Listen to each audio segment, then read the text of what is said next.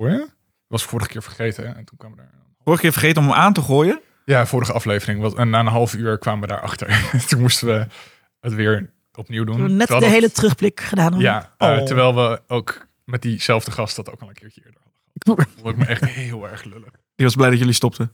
Erg eindelijk. Dat gezeik af. Ja. Jezus Christus. Oh. Oké, Mijn naam is Linda Duits en mijn favoriete Steven Spielberg personage is natuurlijk E.T.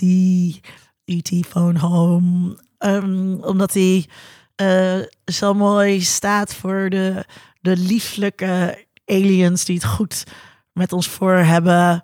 Eh, hij, hij is een soort van genderloos, ook al zeg ik hij. En natuurlijk gewoon eh, schattig en lief en leuk.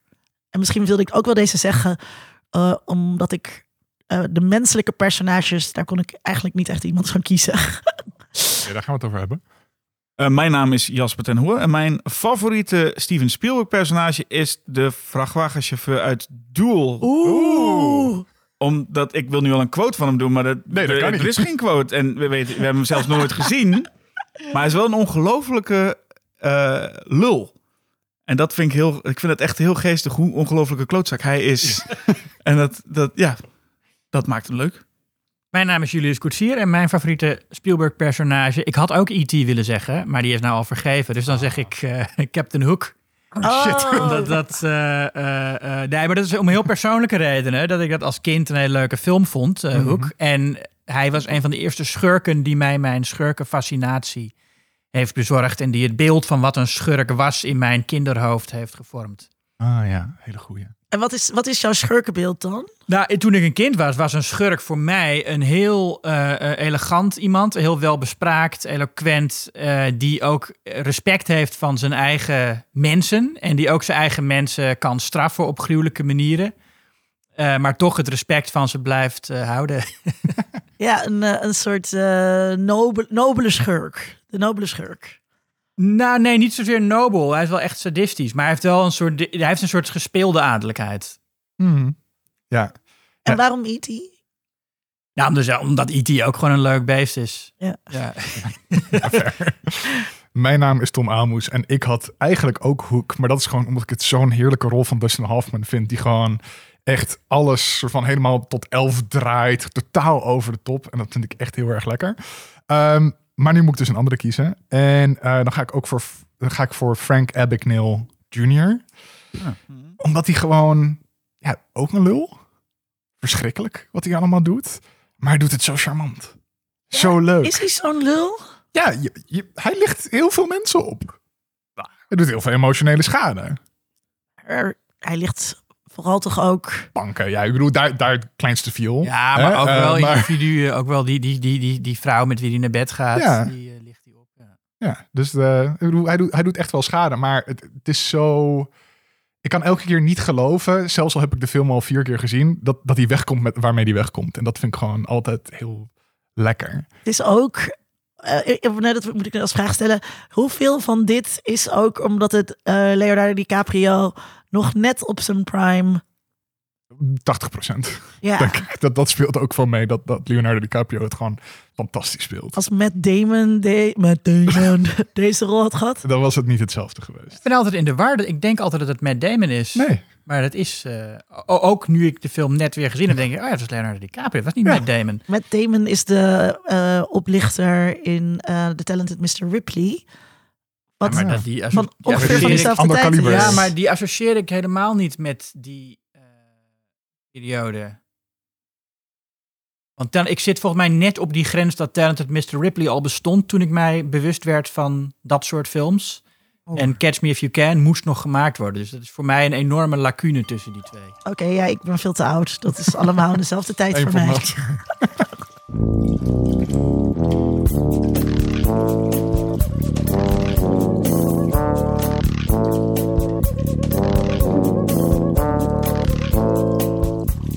hoorde dus al, Julius en Jasper zijn weer bij ons te gast. Heel fijn dat jullie er allebei weer zijn. Ze zijn allebei filmmakers. Julius is hoofdredacteur bij Schokkend Nieuws, nog Ja. steeds toch? Zo is het. Ehm, en ja, jullie kennen ze ook misschien als Julius en Jasper van de Schokkend Nieuws podcast. En Julius en Jasper. Of Julius versus Jasper, moet ik eigenlijk zeggen.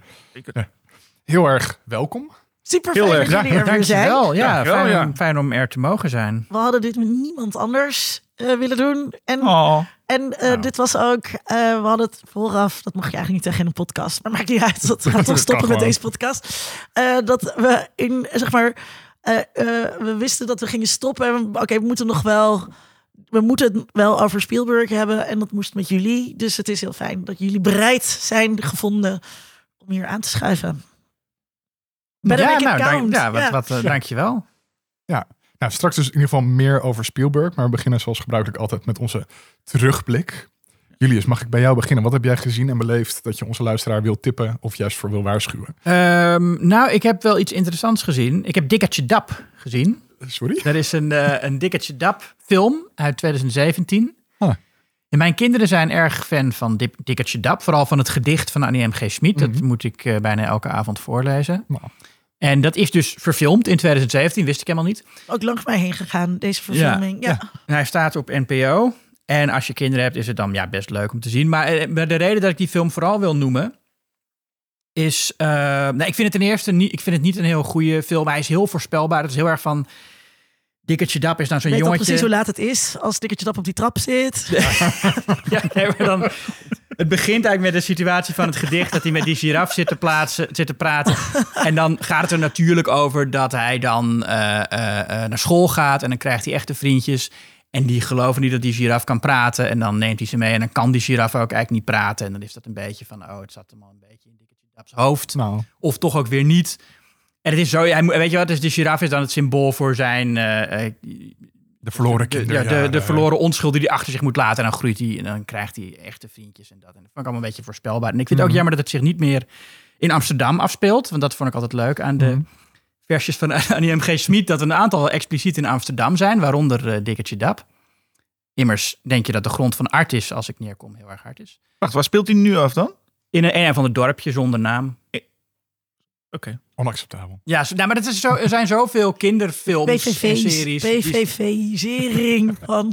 Nee, maar er zijn al zoveel kinderfilms en series en boeken die zich afspelen in dat soort dorpjes. En het leuke van Annie M. G. Schmid is nou juist dat het heel, in sommige verhalen heel duidelijk Amsterdam is. En dat ze ook niet bang is om dat eh, eh, eh, te zeggen. En zodat je als kind ook echt denkt van, ah, daar kan ik ook naartoe. Ik kan ook gewoon naar Artis, waar Ja. die giraf is.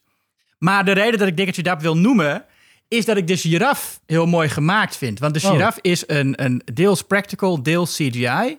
En ik had echt moeite om te zien wanneer het wat was. Oh, Het is dat is ook echt- bijzonder bij een Nederlandse film. Ja, het is, maar het is echt, je ziet dat er aandacht aan besteed is. Het is niet het meest bijzondere ontwerp of zo, maar het is gewoon, je gelooft dat het beest er is en dat het leeft en dat het beweegt en praat. En het is zoveel beter dan de dino's in eh, Jurassic World.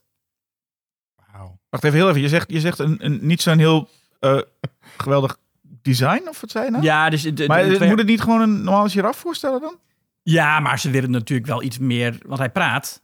Ja, hij praat, maar het is niet gewoon... Het Dus is je niet, moet- ze willen hem wel een, een, een maar wat het is niet een, echte giraf waar de mond een beetje van op en neer Nee, gaat. nee, Het is nee, geen- nee, nee, het is een nep giraf. Ja, ik Eh, een, een pop. Ja, maar dat zie je er ook Eh, aan met- af. de- en, nou, het, ze willen het Is het gezicht... een soort Muppet? Is het, gezicht- Dat is misschien op een of andere manier de vraag. Het Is gezicht is iets Muppet-achtiger dan je van een giraf zou verwachten. Ja, Maar het is verder wel een realistische giraf. Het moet wel een, echt giraf. dier voorstellen. Ja. en jij had liever dat ze iets meer de Muppet kant bijvoorbeeld opgegaan waren dan Eh, een realistische nou, giraf. Nee, nee, nee, niet per se, nee. Oké. Nee, ik vind het prima hoe ze het gedaan hebben. Ehm, maar nee, dat, dat is eigenlijk, het, het viel me op dat het gewoon zo'n eh, Mhm. mooie eh, en liefdevol gemaakte creatie was. En ik denk, ja, ik weet, misschien heeft Rob Spropshop dat wel eh, gedaan, die ook eh, de Leeuw in Prooi hebben Hm. gemaakt. Eh, maar dat, dat vond ik eh, eh, ja, leuk, bijzonder. Dus dat Nou ja. is mijn... En ik, mocht, mocht ik er nog één? Ja, mag Ik- zeker want nog ik, eentje, ja. ja, ik ben dat zal iedereen kent dat natuurlijk al lang, maar ik ben heel laat begonnen met The Bear. Oh ja, heerlijk. En eh, dat is, ik vond het een, ja, een hele leuke serie. Heel filmisch ook. Ontzettend eh, eh, eh, mooi geschoten. Sowieso zien tv-series er nu meer uit als films dan de meeste films. Wat ook niet, niet eh, nieuw is om te zeggen natuurlijk. Maar, ik, maar het valt me wel op dat echt het uiterlijk...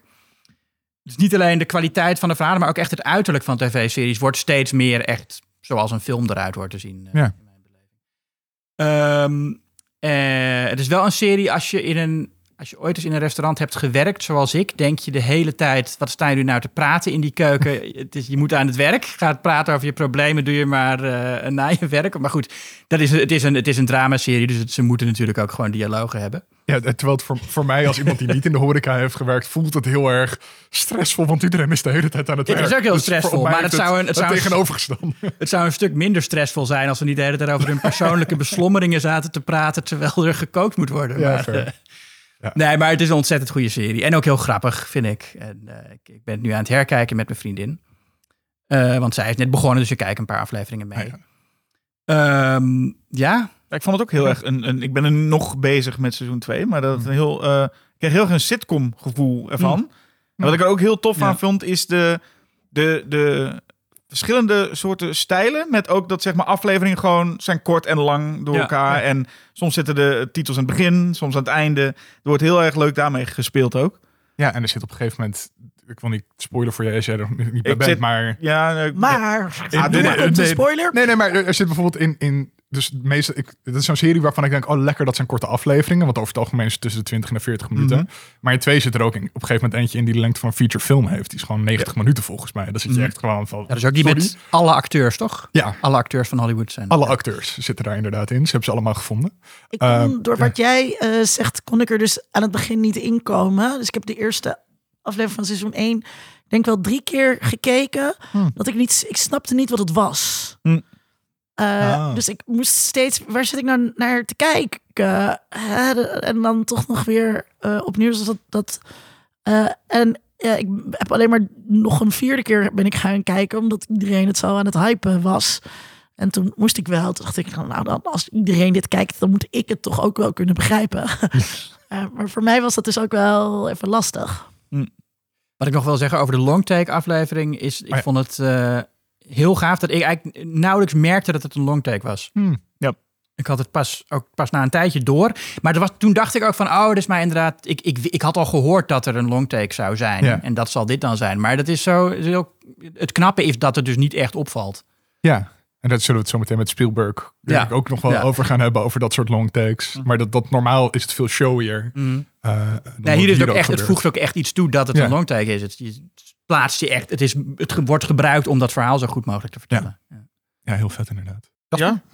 Ja, nou, wat heb ik eh, gezien? Ik vind het wel leuk dat jullie is er nu, dus schokkend nieuws is aanwezig. En ik denk, nou, je hebt net dikketje dap gedaan. Ik zat zaterdag in de paté te kijken naar een documentaire over Bassie en Adriaan. Eh, en die... eh, Hoorseizoen is net voorbij. Het ligt zat op de plank. ja, oh, nee, maar dat is het vaak. Als oktober dan eindigt, dan hebben we daarna ook echt meteen een zoiets van... Oké, laat maar even zitten met die horror. Nou, Ja, dan ga je dus naar... ehm, maar nee, in dit geval, ik dacht... Ten eerste dacht ik, wat doet het eigenlijk in de bioscoop? Want het is een, een documentaire van net iets meer dan een uur. Mhm. Ehm, en ik dacht, oh, dan zal ik op zaterdagmiddag daar naartoe gaan. Dan zal de zaal wel vol zitten met kinderen. Nou, de, de zaal zat vol. En volgens mij was niemand beneden de 30. Eh, en het, het, het- de vraag waarom draait het naar de bioscoop, die had ik aan het einde eigenlijk nog steeds. Want het is een docu met oud interviewmateriaal en een beetje archiefmateriaal. En daar hebben ze iets, iets van gekleid waarvan je eigenlijk denkt, ik snap niet hoe dit in, een, in de pathés draait. Dit, had dit volgens had mij op 11 uur s'avonds op NPO 2. dit had, ja, precies. Dit had op NPO Extra Plus of zo eh, gekund. Maar, ehm, en, en je ziet ook, kijk, het, is, het zijn makers die eh, wat archiefmateriaal in handen kregen. En dachten, we gaan er een, een, een documentaire van kleien. Want die, ehm, de mensen die hebben meegewerkt zijn of dood of ze hebben ruzie met Bassie en Adriaan. Dus die krijgen niet. Dus alleen Hans, Hans Beijer zit erin. Dus eh, B100, Aha. B100. Die wordt dan geïnterviewd en heeft wat aardigs te vertellen. Maar alle andere acteurs, die zijn, nou ja, of, ofwel overleden, of dus die, die willen er niks mee te maken Paul hebben. van Gorkum krijgt nog geld van ze, toch? Ja, maar volgens mij alle acteurs. Of in ieder geval, er is iets in de rechtszaal geweest. Dus, dus nou ja, dus, de- er is wat dat betreft niet veel nieuws. En En dan heb het je... niet heel erg vervreemdend als er dan inderdaad maar één persoon is en je de hele tijd weet, dat is omdat er achter de schermen zoveel gebeurt wat nu niet benoemd wordt. Ja, want nou, ik vond het vreemd. Ik, ik dacht dat dat namelijk met Hans Beijer ook zo was. Dus ik weet niet wat of... De, de- het is, hij heeft wel geld gekregen uiteindelijk, dus hij is er nu wel. Want hij was heel lovend ook over de tijd. Oh. Ehm, maar verder zat er dus... want het ging, er is ook een periode geweest dat ze voor Joop van den Ende series hebben gemaakt. Nou, dan denk je Joop van den Ende, volgens mij komt hij voor elk interview dingetje of Ja. special komt hij wel. Maar hier zat hij ook niet in. En de interviews met Bas en Adriaan zelf zijn ook uit soort archiefbeelden. Want je ziet ze ook aan het einde even zoals ze nu zijn. Beide kunnen eigenlijk amper meer Ja, er praten. zit niet zoveel meer in. Nee, dat is echt heel. Dat is wel schrijnend als je het einde Mm. ziet. Want dan denk je wel, toen ze de interviews waren ze nog wel, wel bespraakt. Ehm, en dan zat ineens. Ja, Paul de Leeuw zit er dan in. En toen dacht ik heel eerst heel even van wat. Wacht, is dit zo'n. Dat heb ik dus echt een heel erg een hekel aan. Aan van die documentaires met fans die aan het woord komen. Die er niks mee te maken hebben gehad. betekende natuurlijk heel veel voor ons in die tijd. Ja, dat vind ik. Dat, dat, is, dat, dat had je met, met die. Dat was die Friends reunie, was dat ook. Dat je dan denkt: oké, je hebt nu een Friends reunie. Dan kun je misschien alle leuke bijpersonages. Kun je, al die acteurs kun je opzoeken. En dan krijg je ineens David Beckham. Die dan zegt: ja, ik vond het Oh, ook een leuke serie. nou, dat, dat. Ik had het zo vervelend. Ja. Maar nu blijkt gelukkig dat Paul de Leeuw heeft wel echt een band met Bastiaan. Dus dat hij er zat was nog met een reden. Zij zelf niet ook ruzie, Basje en Adriaan? Omdat... Die hebben ze die volgens mij ook genoeg ruzie. Ja, hebben was elkaar ook 20 jaar niet gesproken, eh, hè? antivax, geloof ik. Was het? Oh nee. Ja, en, ja Bassie was niet gevaccineerd en Adriaan wel.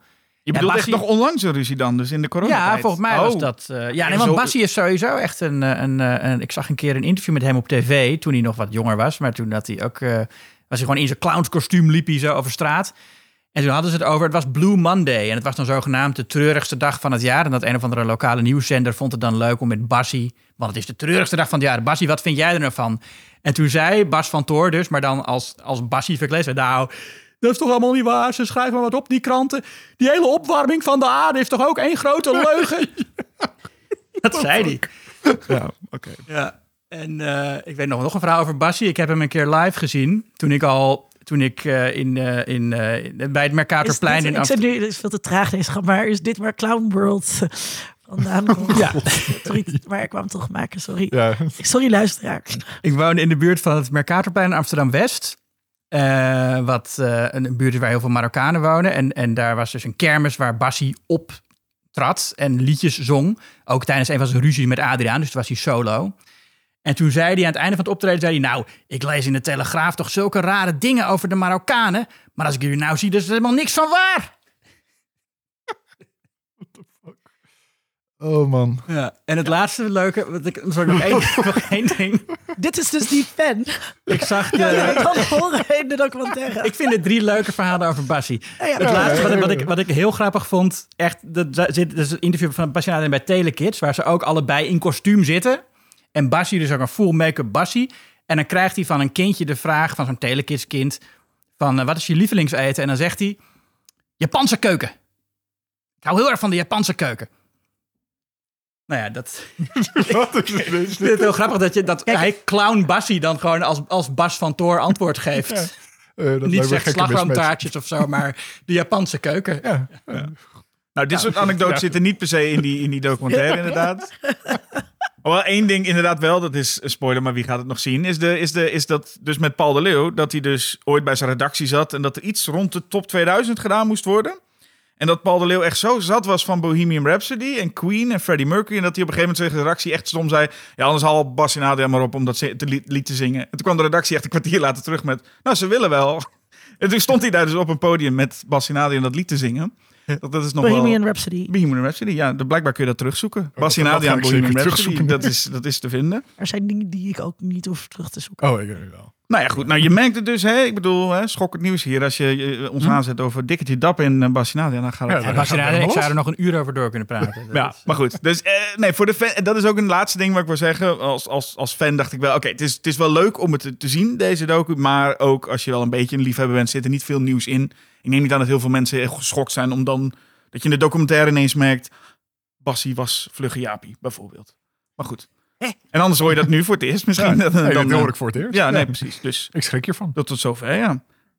Nou, Het enige tweede wat ik nog heb is dat ik onlangs ook in de bioscoop zat bij... eh, en toen zag ik Tar. Tar? Zeker Oh, spreken ja. als Tar, hè? Ja.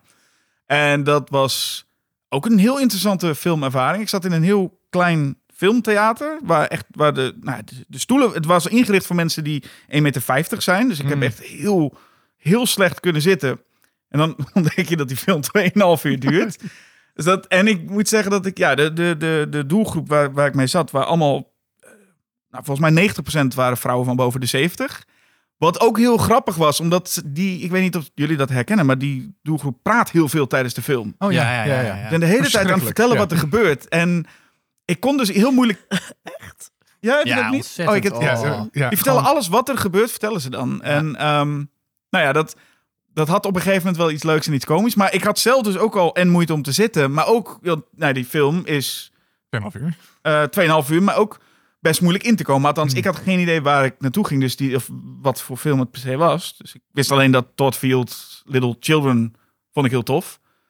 Maar ik merkte gewoon dat is het eerste half uur of eerste drie kwartier ben je echt even zoekende van waar gaan we naartoe? Of wat is dit? Waar zit ik naar te kijken? En op een gegeven moment pakt die film me en het einde was nog wel... Het was, was een film waar ik heel erg lang over na moest denken in ieder geval. Dus dat is wel goed.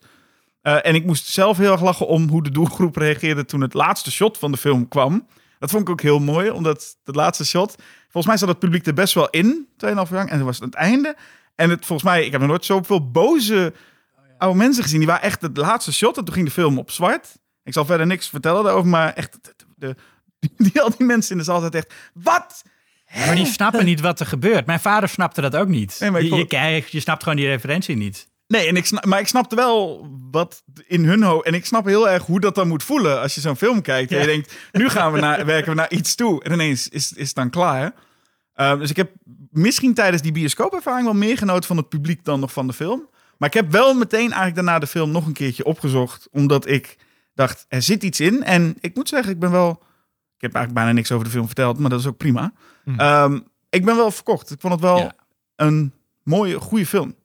En de apartment for sale scène. Ja, er zit, nee, er zit, echt, er zit echt hele leuke, hele mooie scènes in. Absoluut, ja. Maar het was echt, en dat vond ik ook wel weer fijn. Een film waarvan ik uit de bioscoopzaal liep. En ondanks die ervaring in de bioscoop ook nog dat ik een beetje met het gevoel zat... Wat moet ik hier nou mee? En hoe, hoe moet ik dit nou plaatsen? En dat vond ik ook wel weer fijn. Ja, dat is wel fijn dat, dat, dat, dat iets een beetje kietelt. Ik had het een beetje gemist, ja. ja. Dat ik Ja. toen voelde Het is ik gewoon een hoofdpersoon die je een beetje op afstand houdt ook.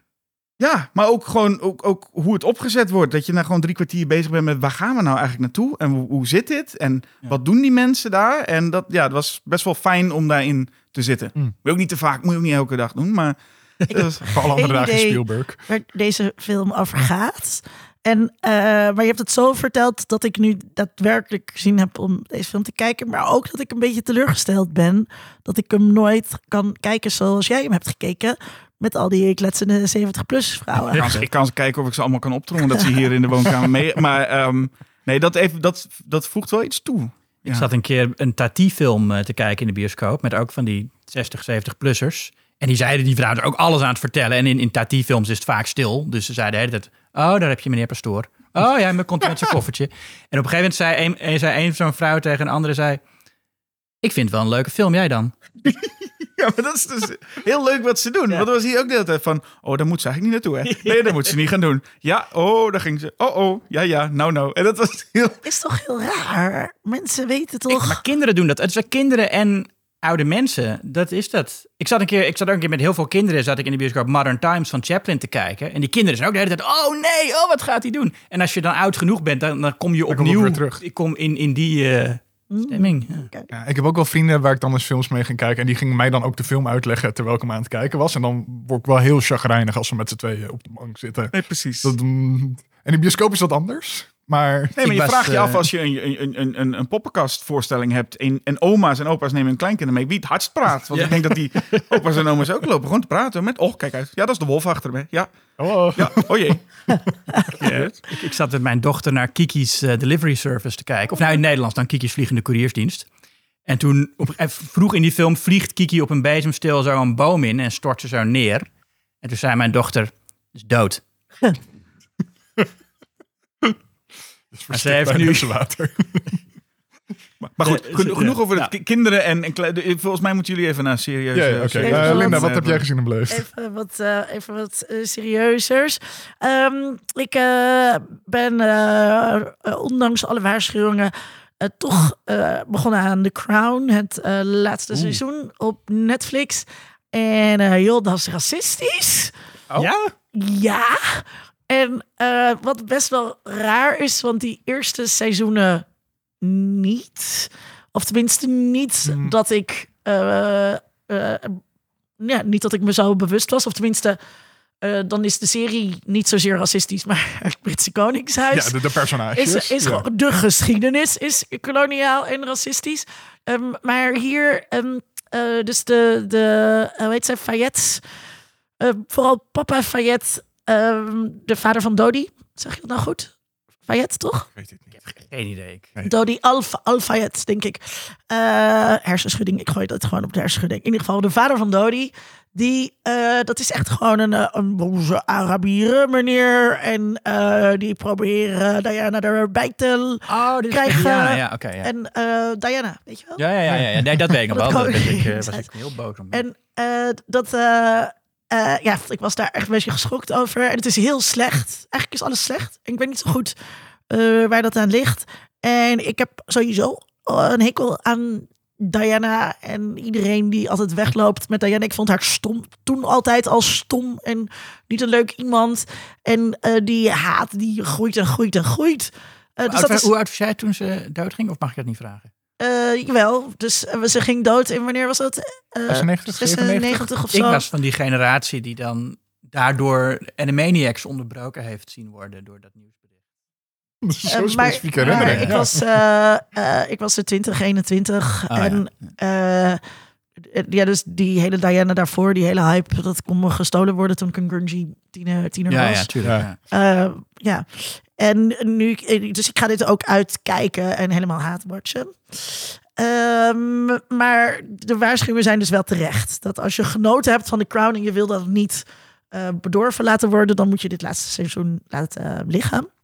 En eh, ik heb een boek gelezen dat Tom al een keertje ehm, had genoemd van Martijn Neggers. Oh ja. Eh, Leven de Koning. Eh, en eh, het is al een hele tijd dat je geleden dat jij het volgens mij genoemd hebt. Ja, vorig jaar ergens. Dus ja. kan ik het gewoon eh, wel helemaal, eh, helemaal weer opnieuw noemen. Het gaat over een eh, boogschutter uit Wales. En die moet vechten bij de slag om Azincourt in 1415. In opdracht van de Britse koning. En dat is kut. En het is gewoon hartstikke kut. en eh, eerst moeten ze heel lang een stad belegeren. Dat is kut, want iedereen gaat dood. En het stinkt naar stront en pis. En eh, het gaat alleen maar meer naar stront en pis stinken. En dan krijgt iedereen diarree. En dat is ook kut. En dat wordt allemaal gewoon heel plastisch beschreven. En ja, dat het is ook echt een perfect boek voor de herfst.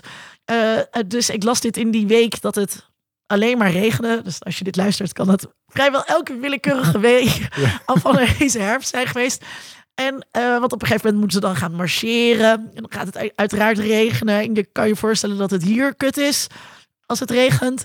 Maar als je een soldaat in 1415 bent en het regent, is dat nog veel kutter. Ik vind het dus gewoon heel leuk opgeschreven wat voor hoe ellendig de oorlog eh, is. Heel droog en grappig en een beetje.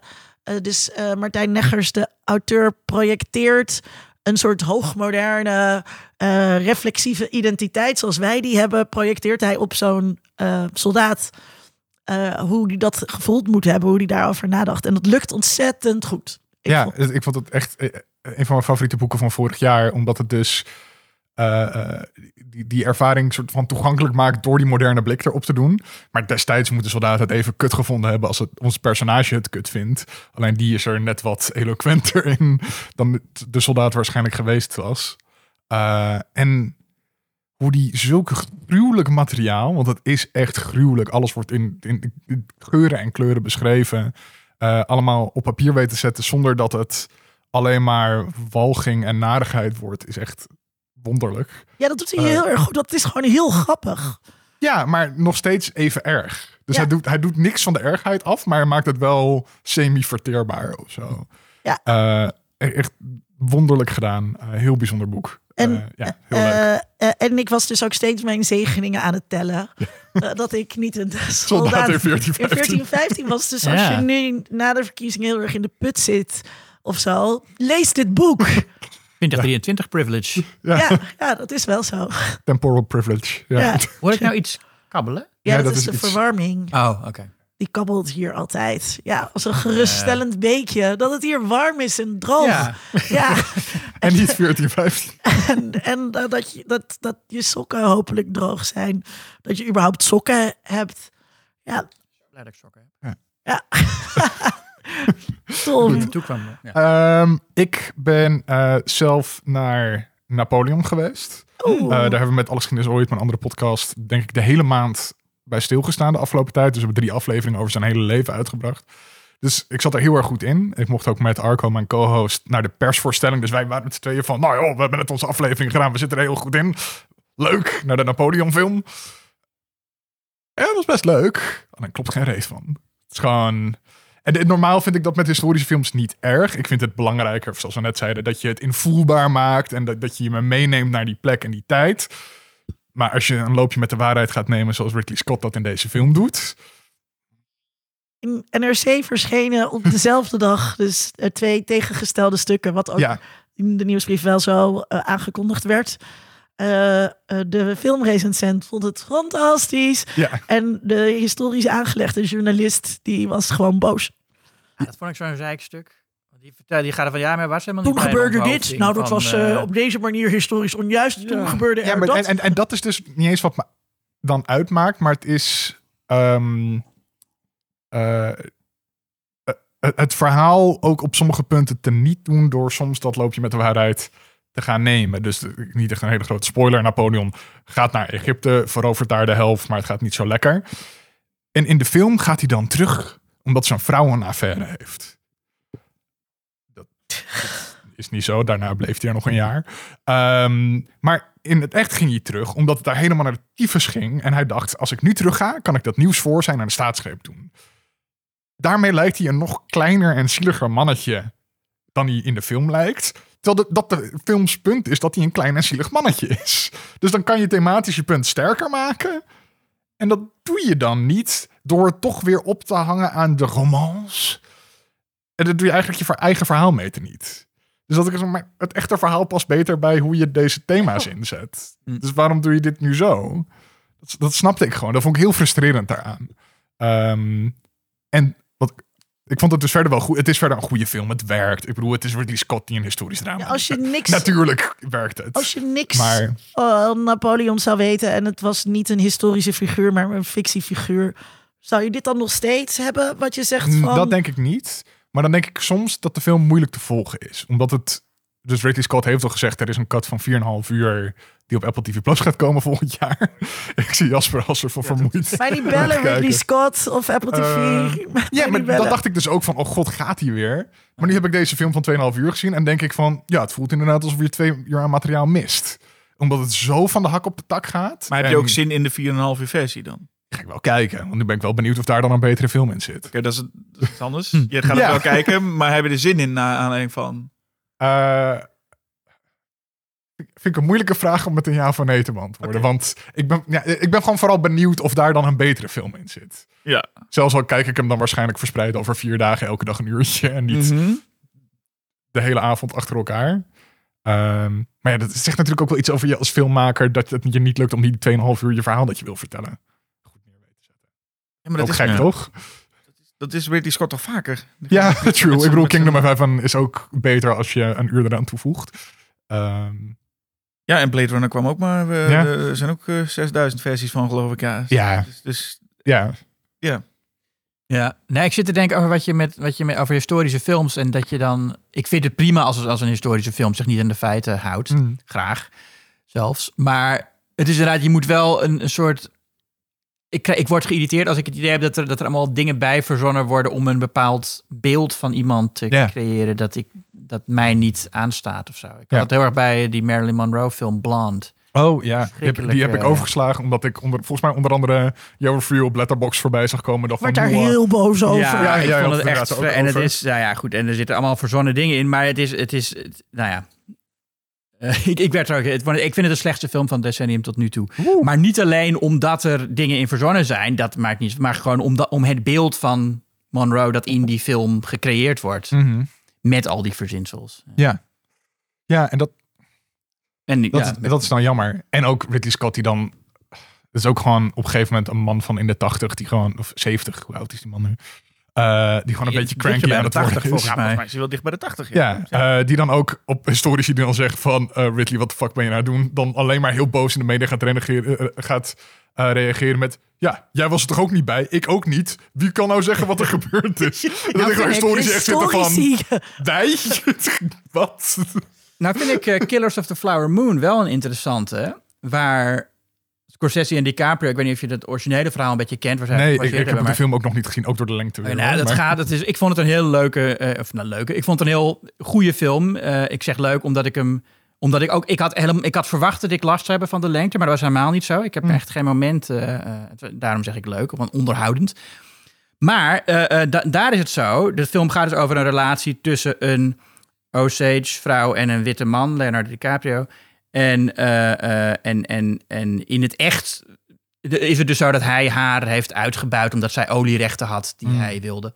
En Scorsese en DiCaprio hebben dat gesprek gehad van zou hij nou echt van haar gehouden hebben in het echt? En dan zeiden ze allebei nee, ik, ik denk, denk het niet. Ik denk dat hij daar gewoon puur was om haar uit te buiten. Maar als hij wel echt van haar hield, naast dat hij eruit buiten, dan wordt het een interessanter verhaal. Hm. En toen is vanuit die, eh, vanuit die hoek zijn ze, dat, zijn ze die film gaan maken. En dat vind ik op zich een, een gerechtvaardigde reden om eh, de geschiedenis En, geweld en, aan en te ook doen. iets wat je puntje bij paaltje niet zou kunnen weten, ook als historicus. Ja, ja, niet. Ehm, eh, dus daar, daar zit meer vrijheid om, mee, om met dingen te spelen. Als hij nou had opgeschreven... ik haat mijn vrouw en ben alleen maar bij haar vanwege de olierechten... en je gaat dan deze film maken, dan Ja. is het een ander verhaal. Eh, denk ik. Om- Omdat je toch recht moet doen aan wat we weten ergens, denk ik. Goed, nou, ik had dus Napoleon gekeken en ik had ook nog iets anders gekeken... waarmee ik door voorkennis eh, eh, mijn kijkervaring een beetje verpest was. En dat is nu de anime die uit is van Scott Pilgrim. En Scott Pilgrim vs. The World van Edgar Wright vind ik echt een hele fantastische film. Eh, dat is een soort van mijn, mijn comfort movie. Ehm, en dan kijk je nu die anime en ze hebben dus eh, ze zijn weer teruggegaan naar de comic, ook met de maker van de comic waarop de film gebaseerd is, maar hebben wel de hele stemmencast uit de Edgar Wright film er weer bij gepakt. Dus het is een soort van combinatie tussen die twee. En hij is in Japan geanimeerd. Hè? Ja, en hij is in Japan geanimeerd, dus het is met- echt met een anime. ja. Ehm, maar wat je dan dus hebt, is dat ik dus weet hoe sommige scènes beat voor beat gaan in de film. En in Edgar Wright's films is dat echt beat voor beat. Eh, het is heel snappy, het is heel snel, er zit vaart in, het, er zit een ritme in.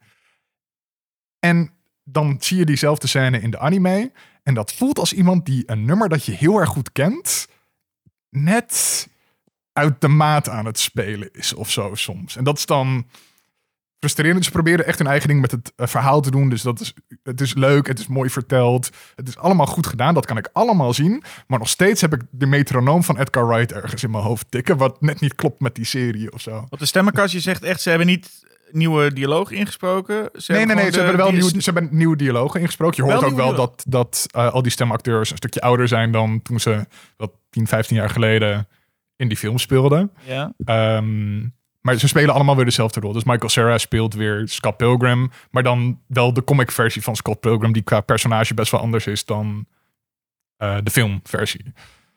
Wel interessant ook omdat. Dus Chris Evans speelt ook weer eh, Lucas Lee, de, de nummer 2X. Ja. Eh, dus dat was wel grappig om, om al die acteurs weer terug te herkennen. Eh, echt, echt wel, het is echt los van het feit dat mijn metronoom dus niet klopt met deze, deze serie, is het echt wel heel erg leuk gedaan. Dat is een soort remake, zou je bijna kunnen noemen. Want ze vertellen het verhaal eigenlijk opnieuw. Ja, maar dan zijn ze dus teruggaan naar de comic. Dus de dingen die de film veranderd heeft en weggelaten, daar gaan ze weer omheen. Ja. En de, de schrijver van de comic is ook de schrijver van deze anime nu. En die heeft ook weer dingen aan zijn eigen verhaal veranderd, omdat hij. De, de, de comic is van 20 jaar geleden volgens mij. Eh, en ook zat van, oh nee, maar dat heb ik toen zo gedaan. En eigenlijk dat dat zo moeten doen. En dit voelt toch wat moderner en wat frisser. En, dus het is een remix van de film en een remix van de comic en een anime. Edgar Wright is Niet betrokken. oh, niet betrokken. Oké. Nee, nee dus gebruiken ook bijvoorbeeld geen nummers uit de film. Eh, dus allemaal, alle muziek is opnieuw gecomponeerd. Ik hoorde hem wel ehm, de serie promoten. Oh, oh, misschien moet ik er even kijken. Want ik heb zijn naam nergens op de credits gestaan, oh. volgens mij. Eh, eh, ook niet. Ja.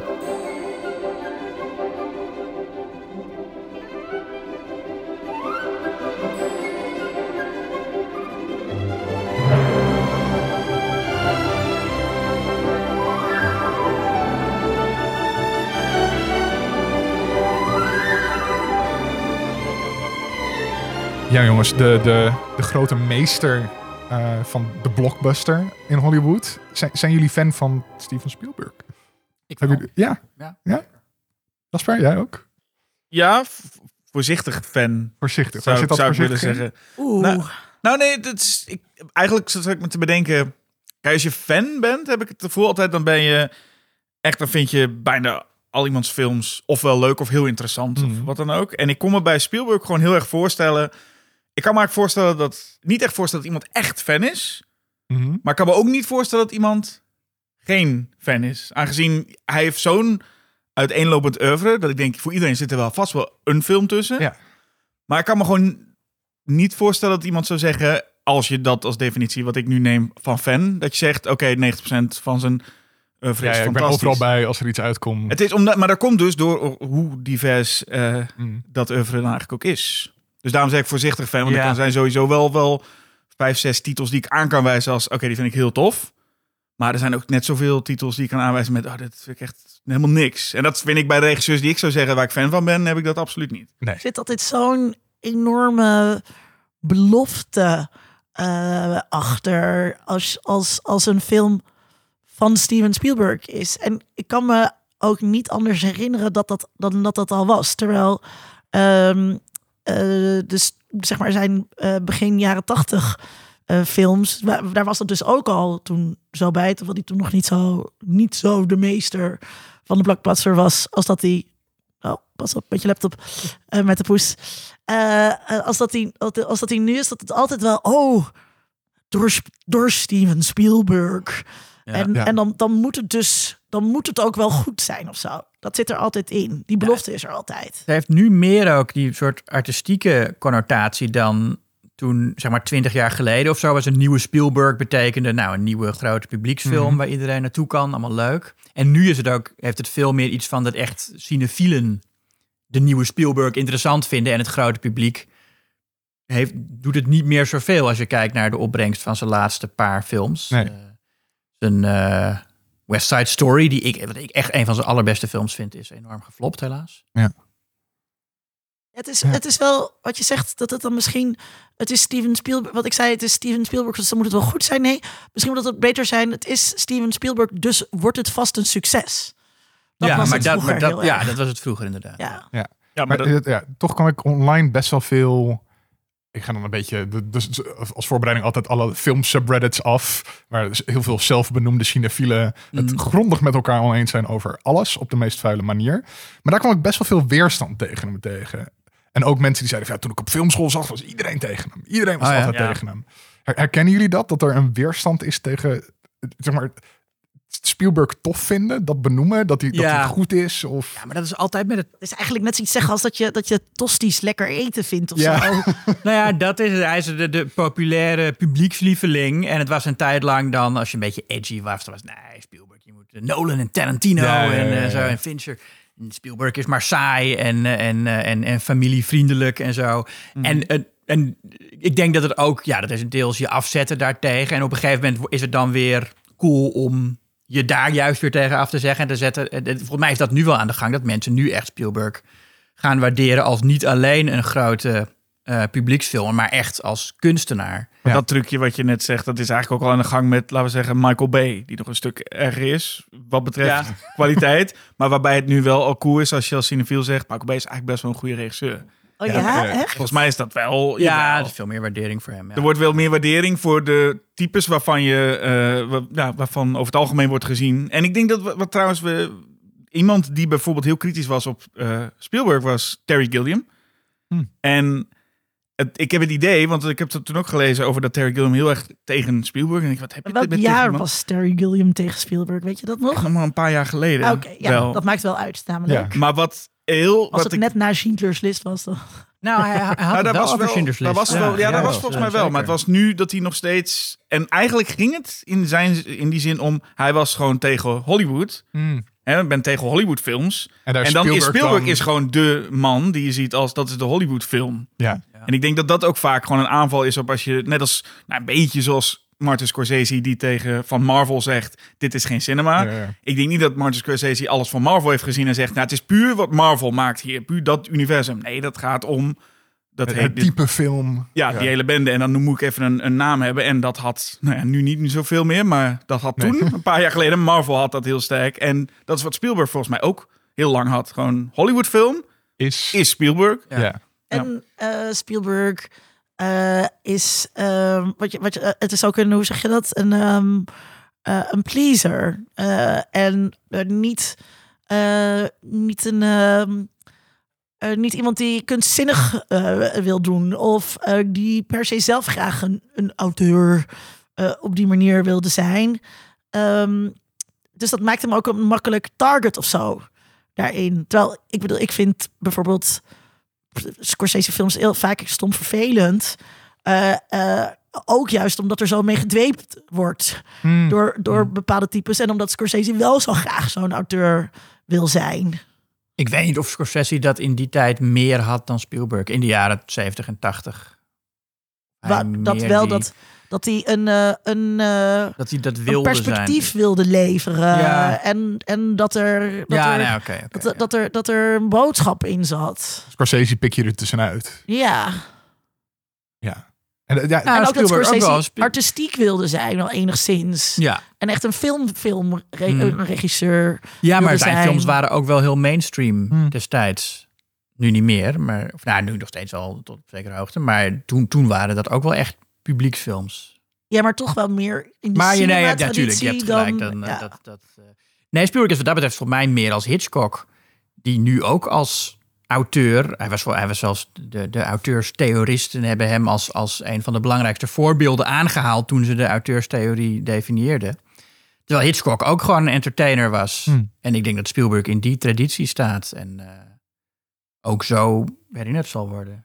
Ja, waarbij het nog extra bijzonder is van het oeuvre dus, wat, dat het zo uiteenlopend is. Dat je Ja. dus iemand hebt die de grootste blockbuster dan maakt. Of echt een familiefilm die iedereen kent. En tegelijkertijd dus Color Purple, Schindler's List ook maakt. Waarbij ook Ja. sommige mensen denken, wacht even, ga jij nou...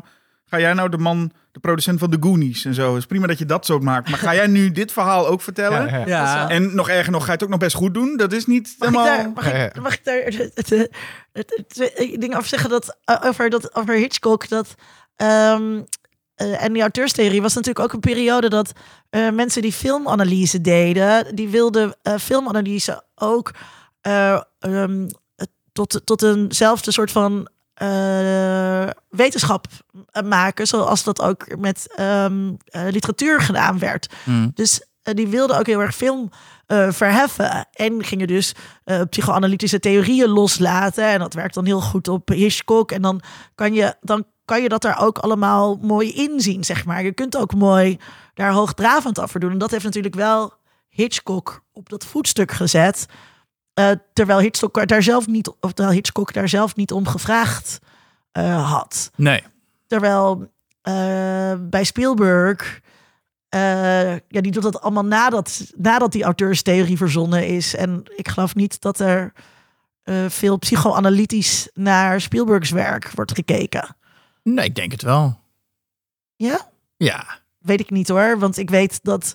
Kijk, dit zijn mijn collega's aan de andere kant bij Mediastudies. En eh, hoi lieve collega's, wat leuk dat jullie luisteren. Ga maar even naar de wc. Eh, ja, ik vind het altijd een beetje, oké, je, je hebt een film gekeken en dat is dan wetenschap. Eh, ehm, Oh, oh, oh. en eh, die, Filmdepartement woest. maar dat is wel wat ze doen. En, eh, eh, en die zijn, die, maar die zijn veel meer bezig. Mhm. Eh, die, die- dus wij zitten bij televisie en wij houden heel erg van alles wat populair is. Of wij onderzoeken heel veel dingen die populair zijn. En bij film halen ze daar toch eerder hun neus voor op. Dus je ziet ook vaak dat eh, de studenten die dingen met ehm, bijvoorbeeld Marvel willen doen, dat die bij televisie terechtkomen Mm. en minder bij film. Kijk genoeg. Ja, dat herken ik ook wel uit de tijd dat ik eh, daar studeerde. ja, hoewel ik dus een filmrichting gedaan eh. heb. Ja, nee, maar ik, en, ik herken dat ook wel inderdaad. En, en, en dat filmgedoe. Maar ik, ik ben ook juist, eh, eh, in, ook in die tijd, juist geïnteresseerd geweest in de populaire film. Hmm. En ik denk dat Spielberg, ja, zeker heel eh, goed psychoanalytisch te benaderen is. Hoewel ik ook wel een beetje roestig ben wat betreft mijn psychoanalyse van, eh, van films. We kunnen het straks nog wel lekker over. Maar er zit vast wel in eh, duel, zit er vast heel veel. Nou, wat, ja. wat, wat wel interessant is om... Mag ik nog één ding zeggen? Ja? Inhakend op wat jij zei inderdaad over Schindler's List. eh, dat weet ik dus ook nog heel goed toen die film uitkwam in... Wanneer was dat? Eh, 94. 93, ja. 93, dat echt... Oh, oh, gaat hij daar? Dat kan toch eigenlijk niet? En dat is toch eigenlijk een beetje eh, het equivalent wat je een paar jaar geleden had, een lachende selfie bij Auschwitz maken. Dat ehm, eh, mensen toch wel echt geschokt waren dat hij dat ging doen. En daarna was iedereen, oh, wat goed. En wat heeft hij dit heel goed. En, eh, en ehm, hoe zeg je dat? Respectvol Ja. gedaan. Terwijl ik het echt gewoon heel saai. En nog, en nog een combinatie bij dat hij het in hetzelfde jaar maakte als Jurassic Park. Dus Ja. oftewel, Oh, ja. ik maak ze tegelijkertijd. Ja, dat is wel. Als, als, als filmmaker is dat wel een soort van flex of zo. Dat je gewoon zit van: nee, ik ga twee van de meest Ja. memorabele films van de jaren 90 binnen een jaar maken. Ja, Ja. ja. Ik vond het Ja, zo potsierlijk dat het in zwart-wit was. Met, met zo'n vleugje rood soms. Ja, Is dat potsierlijk, ja? Voor de- ja. Het, Dat- het, dat het, het was toch zwart-wit toen? in mijn beleving is wel alles in wat er in de Tweede Wereldoorlog gebeurde, gebeurde in zwart-wit. Eh, behalve de bevrijding. maar eh, ja, dat vond ik toen heel raar. Ik weet ook nog, de side note, dat eh, eh, op een gegeven moment ging RTL 4 die film uitzenden. Dan op eh 4 mei ook of zo. En dat deden ze dan zonder reclame. Ja. Ja, ja, ja. Ja, toen hij uitkwam in Amerika was het ook zonder, zonder popcorn was het ook, hè? Oh, De popcorn was verboden bij Oh. Schindler's List. Maar er was toch een, een, een kritiekpunt die ik wel gehoord heb over Schindler's List. Was ook dat mm, bepaalde filmmakers ook zeiden, ik weet even niet meer wie dat zei, van hij maakt, eh, hij maakt een verhaal over de holocaust, maar hij geeft er een stuk van hoop Nou ja, aan. dat is wat En- Gilliam zei. Dat was, dat was Terry, nou, en volgens mij haalde Terry Gilliam Stanley Kubrick aan. En, en zei dus Terry Gilliam dat Stanley Kubrick gezegd had... en dat hij het daarmee eens was... dat de holocaust is het verhaal over het falen van de mensheid. Ja, dat en was Schindler's List gaat klopt. over Ja, Kubrick het dat- succes van één man. Het gaat niet om het falen. En eigenlijk Ja. zou dat het, dat het moeten zijn. Ja. En dat is ook een stukje Spielberg wel. Want Ja, als je het over. Spielberg hebt, heb je het over ook wel hoop. En Ja. heb je het over eindes die toch altijd wel... Je, dat, dat, dat is wat En, en Spielberg het, wil. het individu dat... Spielberg wil je de bioscoop, of het algemeen de bioscoop uit laten gaan. En dat je echt het voor hebt van, nou, ik heb er weer zin in. ja, ja. ja. Ja. En dat, ik dat dus juist heel irritant vind. Dat verhaal altijd maar eh, eh, van hoop. En eh, dat ontzettende menselijke overal in willen zien.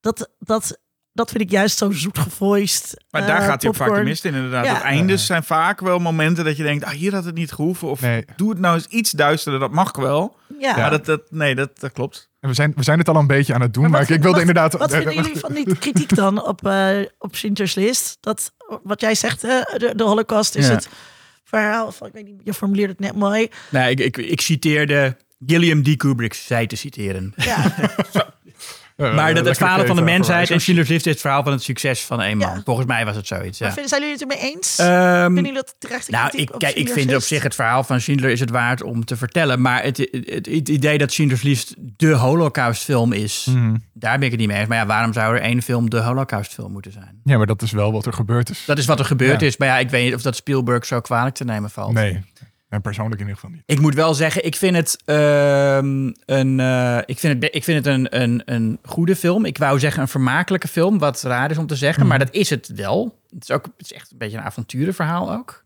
En dat is ook meteen wat er niet zo goed aan is. Je hebt op een gegeven moment die scène aan het einde dat ze, dat ze gaan douchen. Of- En, maar dat, er dan, dat ze dan dus echt gaan douchen. Hè? Dat ze allemaal in die, in die douchekamer geleid worden. En denk van, oh, is het een gaskamer of niet? Dat is heel spannend.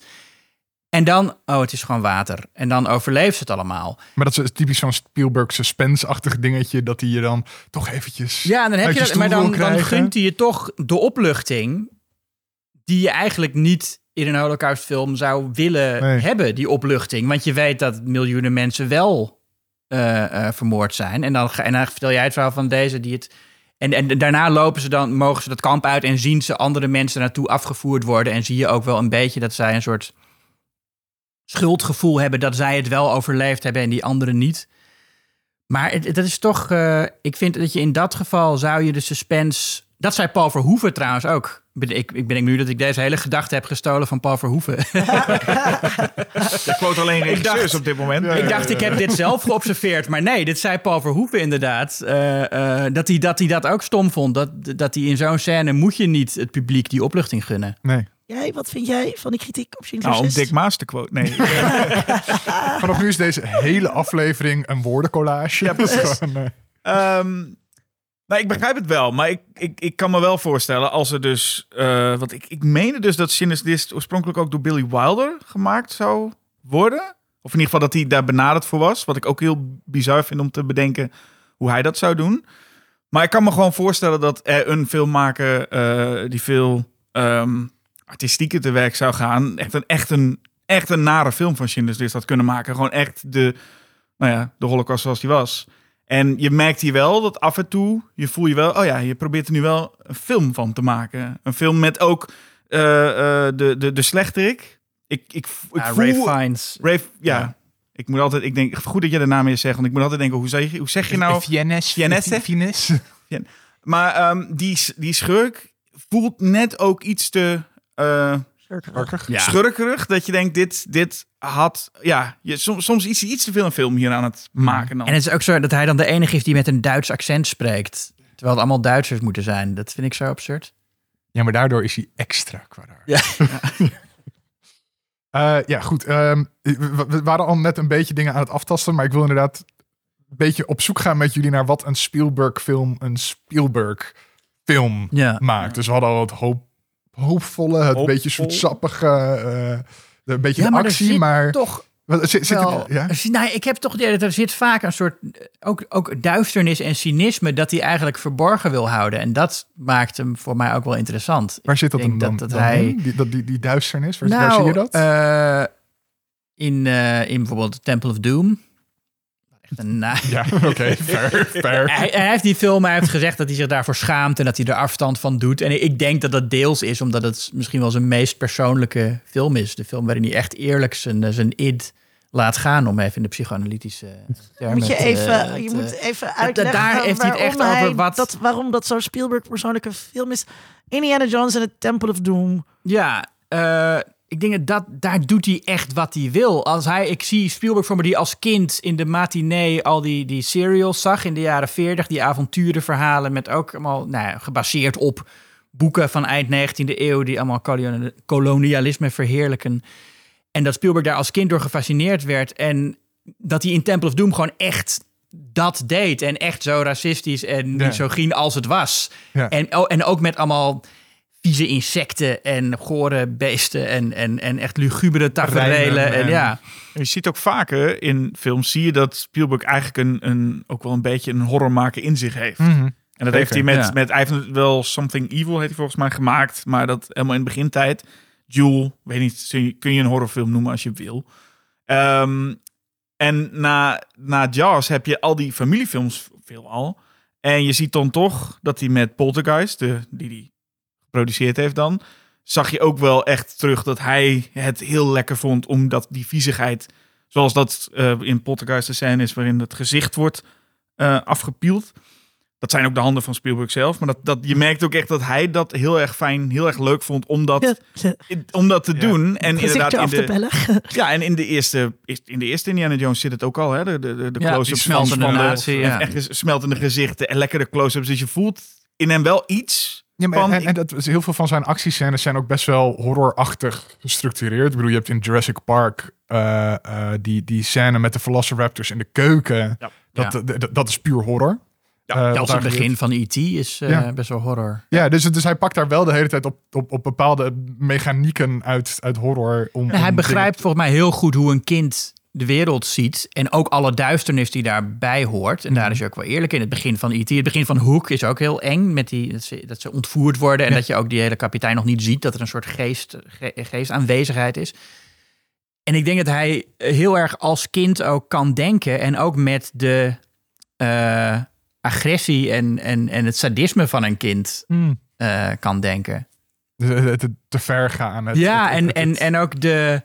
eh, Nou ja, het racisme van een kind, zoals je de, ja, trouwens in alle Indiana Jones films wel ziet, maar in, in, in, eh, in Temple of Doom is dat het meest controversieel geworden. Ja, dat is Dan Hessler Forrest. Die was hier een keertje te gast over filmmuziek. En die zei toen over dat Temple of Doom de meest racistische muziek heeft die ooit geschreven is voor een film. Want zelfs de muziek is racistisch. Eh, en toen ben ik geluisterd. Ja, inderdaad. Moet maar even opzoeken, inderdaad. was ook een Ja. andere tijd nog. Ja, dat is, dat Nou, maar dat was toen ook al controversieel. Ik bedoel, ze, ze wouden in India filmen en toen zeiden de mensen in India, nee, dit is te racistisch. Ja, Dus, gewoon dus- dus Spielberg had dat echt wel, eh, die, die wist gewoon dat het controversieel was. Ja. En je noemde de hoop, maar wat je zegt inderdaad, suspense, dat is eigenlijk wel iets waar hij het best in is, Mm. denk ik. En als je bijvoorbeeld Minority Report neemt dan, dat is een film waarbij eh, allerlei verschillende stijlen achter elkaar komen. Er komen grote actiescènes in. Sure, kan niet goed, prima. Er zitten lange dialogen en monologen in. Daar is ook wel, heeft hij ook wel echt een handje van. Ja. Maar daarna komt ineens zo'n scène met die spinnen. Dat zijn dan Ja. spinnen die eh, op zoek gaan naar en iedereen's ogen scannen. En daar zit dus eh, Tom Cruise met eh, zijn beide zo'n zo'n zijn ooglapjes voor. Want hij mag Überhaupt dat idee dat die ogen eruit moeten. En dat hij die dat ogen al- in dat zakje Ja. heeft. Dat is al... dat, dat lugubere. En daar zit natuurlijk dat plagerige in. Dat hij dan op, op een of andere manier nog even blind op zoek moet naar een boterham. En dat eh, daar nog een verrotte boterham ligt. Zodat hij nog van moet kotsen. En daar zit dat, dat speelse. Je voelt een beetje op Spielberg dat er af en toe... Ik zie dat heel erg voor me. Zo'n zo'n lacherig mannetje achter de camera. Die dat gewoon lekker zit te gniffelen. En die viezigheid. Maar eh, dan zie je zo'n suspense scène. Waarbij er dus die, die, die, die eh, robotjes aankomen. En Tom Cruise in een badkuip moet toen wisten we nog niet dat Tom Cruise dat een paar minuten lang zou volhouden. Want we hadden Mission Impossible 4 nog niet gezien. of 5. Maar dan zie je ineens een suspense scène. En voor mij viel die scène ineens heel erg op als... Oh, dit is echt ineens nog beter gedaan dan wat ik daarvoor zag. Ja. Dit zijn echt die suspense momenten. Net ook als die Velociraptors in Jurassic Park. Of de T-Rex. Niet Ja. alleen als de T-Rex aankomt, maar daarvoor al. De geit die weg is. De, de- De- de- de- de- de- de- dat opbouwen daar naartoe, daar vind ik Spielberg echt heel erg goed in. Ja. Ik vind eh, aan het begin, dus ik had Jewel nog nooit gezien. Eh, en eh, eh, echt heel vet gedaan. Eh, ook omdat er dus inderdaad bijna niks in gesproken wordt.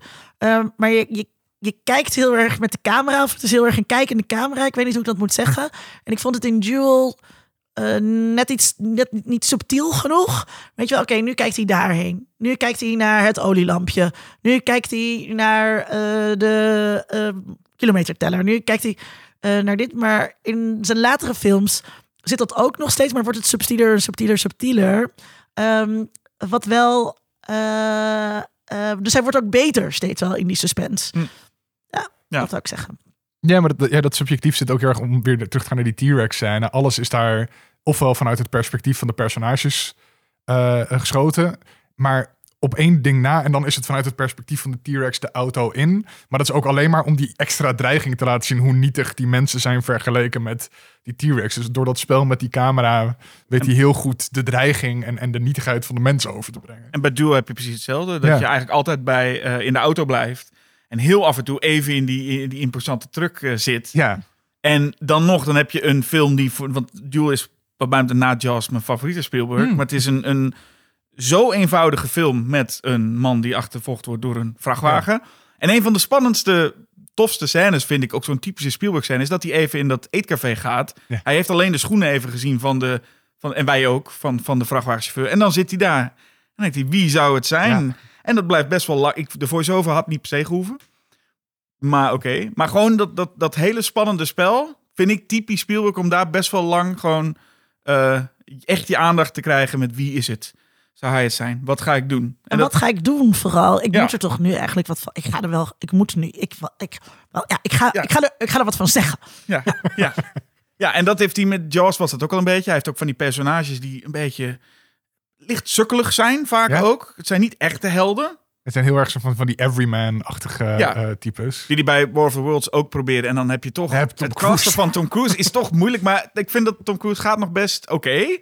Maar het is wel moeilijk om van hem een everyman te krijgen... dan om Dennis Weaver een everyman te maken. Tom Cruise kan nooit een everyman spelen. Maar het is wel. Het is meer nerd dan everyman. Ja, het is al een beetje ervarende masculiniteit. Ja, maar dat is natuurlijk gelijk al in Duel al. In Jewel, ja. Is het al gewoon een beetje die hele film. Ik, ik, ik, ik zag daar man alleen maar ook een soort mannes- mannelijkheid in crisis Ja. de hele tijd. Ja, maar En hij, heet, klasse- eh, hij heet ook Man, toch, de hoofdpersoon? Ja? ja, David Mann. Oh, David grappig. Man, ja. Ja. Maar het is wel, in, of, of ja, klasse zou ook nog Ja. wel kunnen. Maar het is, vind ik vooral heel tof het aan, bij Duel is ook, momenten gaat hij even met zijn vrouw bellen. En dan gaat hij ook zo stoer staan in dat halletje Ja. met zijn been zo eroverheen. been. Ja, ja, Maar dan komt er iemand die moet er langs en is de... Oh, sorry, sorry, sorry, sorry. Dus het, het, het, het- ook een beetje... ah, zelfs dat mislukt. Ja, maar, dat, maar Om- dat soort kleine details, dat doet hij ook bijvoorbeeld in, in Catch Me If You Can, dat dan eh, eh, Leonardo DiCaprio is dan fantastisch goed in alles techniek. En de, in de introductiescène van de FBI-agenten werkt de diaprojector niet. dus ja, zitten ze oh alleen ja, maar daar ja. op de hele tijd te slaan en, en gekut. En het is allemaal net een beetje knullig. Ja. Dat zit daar ook heel erg in, dat hij gelijk heel erg duidelijk wil maken.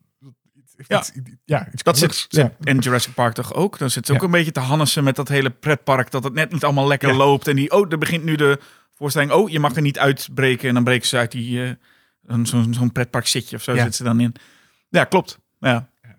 Ook wel een beetje jaren zeventig natuurlijk. Dat, dat, wat je zegt van Spielberg en de, en de, de downbeat eh, mannen of zo. Dat is, dat, dat- dat is heel erg, daar zie je dat hij uit de jaren zeventig komt. En Mhm. uit die stroming, waar hij vroeger ook nog veel meer mee gemeen had. Volgens mij met, met Robert Altman en, eh, en, en John Cassavetes. Al die, je ziet toch in, in Jaws ook nog een beetje dat die dialogen wat, wat vrijer voelen. En zelfs in E.T., dat mensen ook een beetje door elkaar heen praten en zo. Ja, dat is heerlijk. Ja. Eh, veel meer dan, eh, dan, dan later. Maar is, is dat ook niet gewoon veranderende stijl? Eh, Ja, is dat, dat- ook gewoon dat, dat de conventies in Hollywood anders worden, omdat je daar nee, gewoon lekker in ja. meegaat? Ja.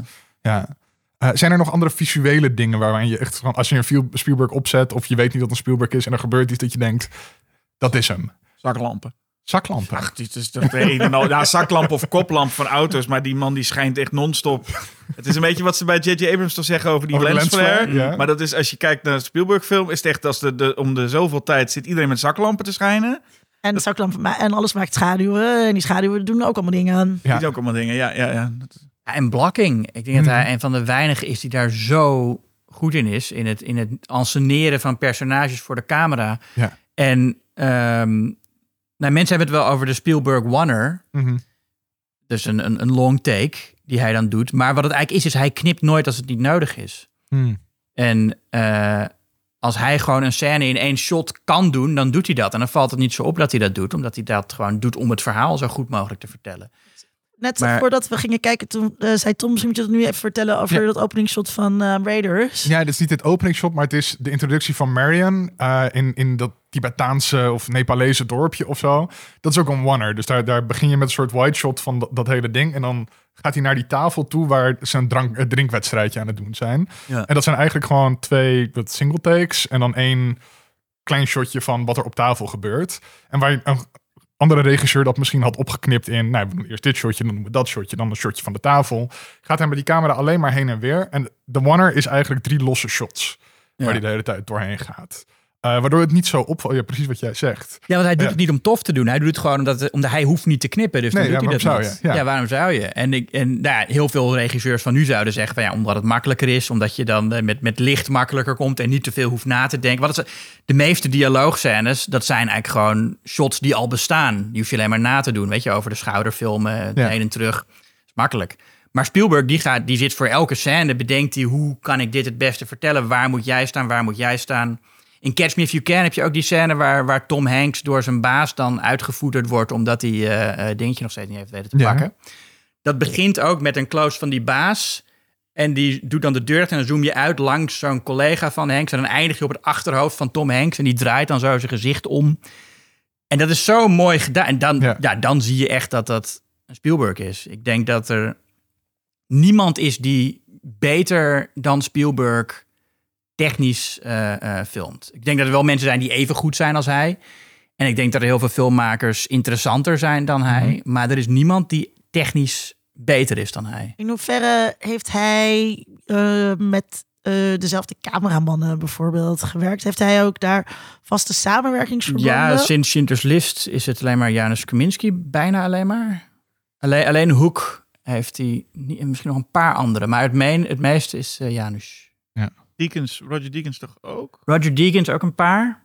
Ja, dacht ik wel. Ehm, Want dus als je veel met dezelfde... eh, eh, wat was het ook weer? Paul Verhoeven en Jan de Bond bijvoorbeeld in Nederland veel samen Mm. eh, eh, werken. Dat maakt het ook lastig om dan een regisseur als de auteur te zien.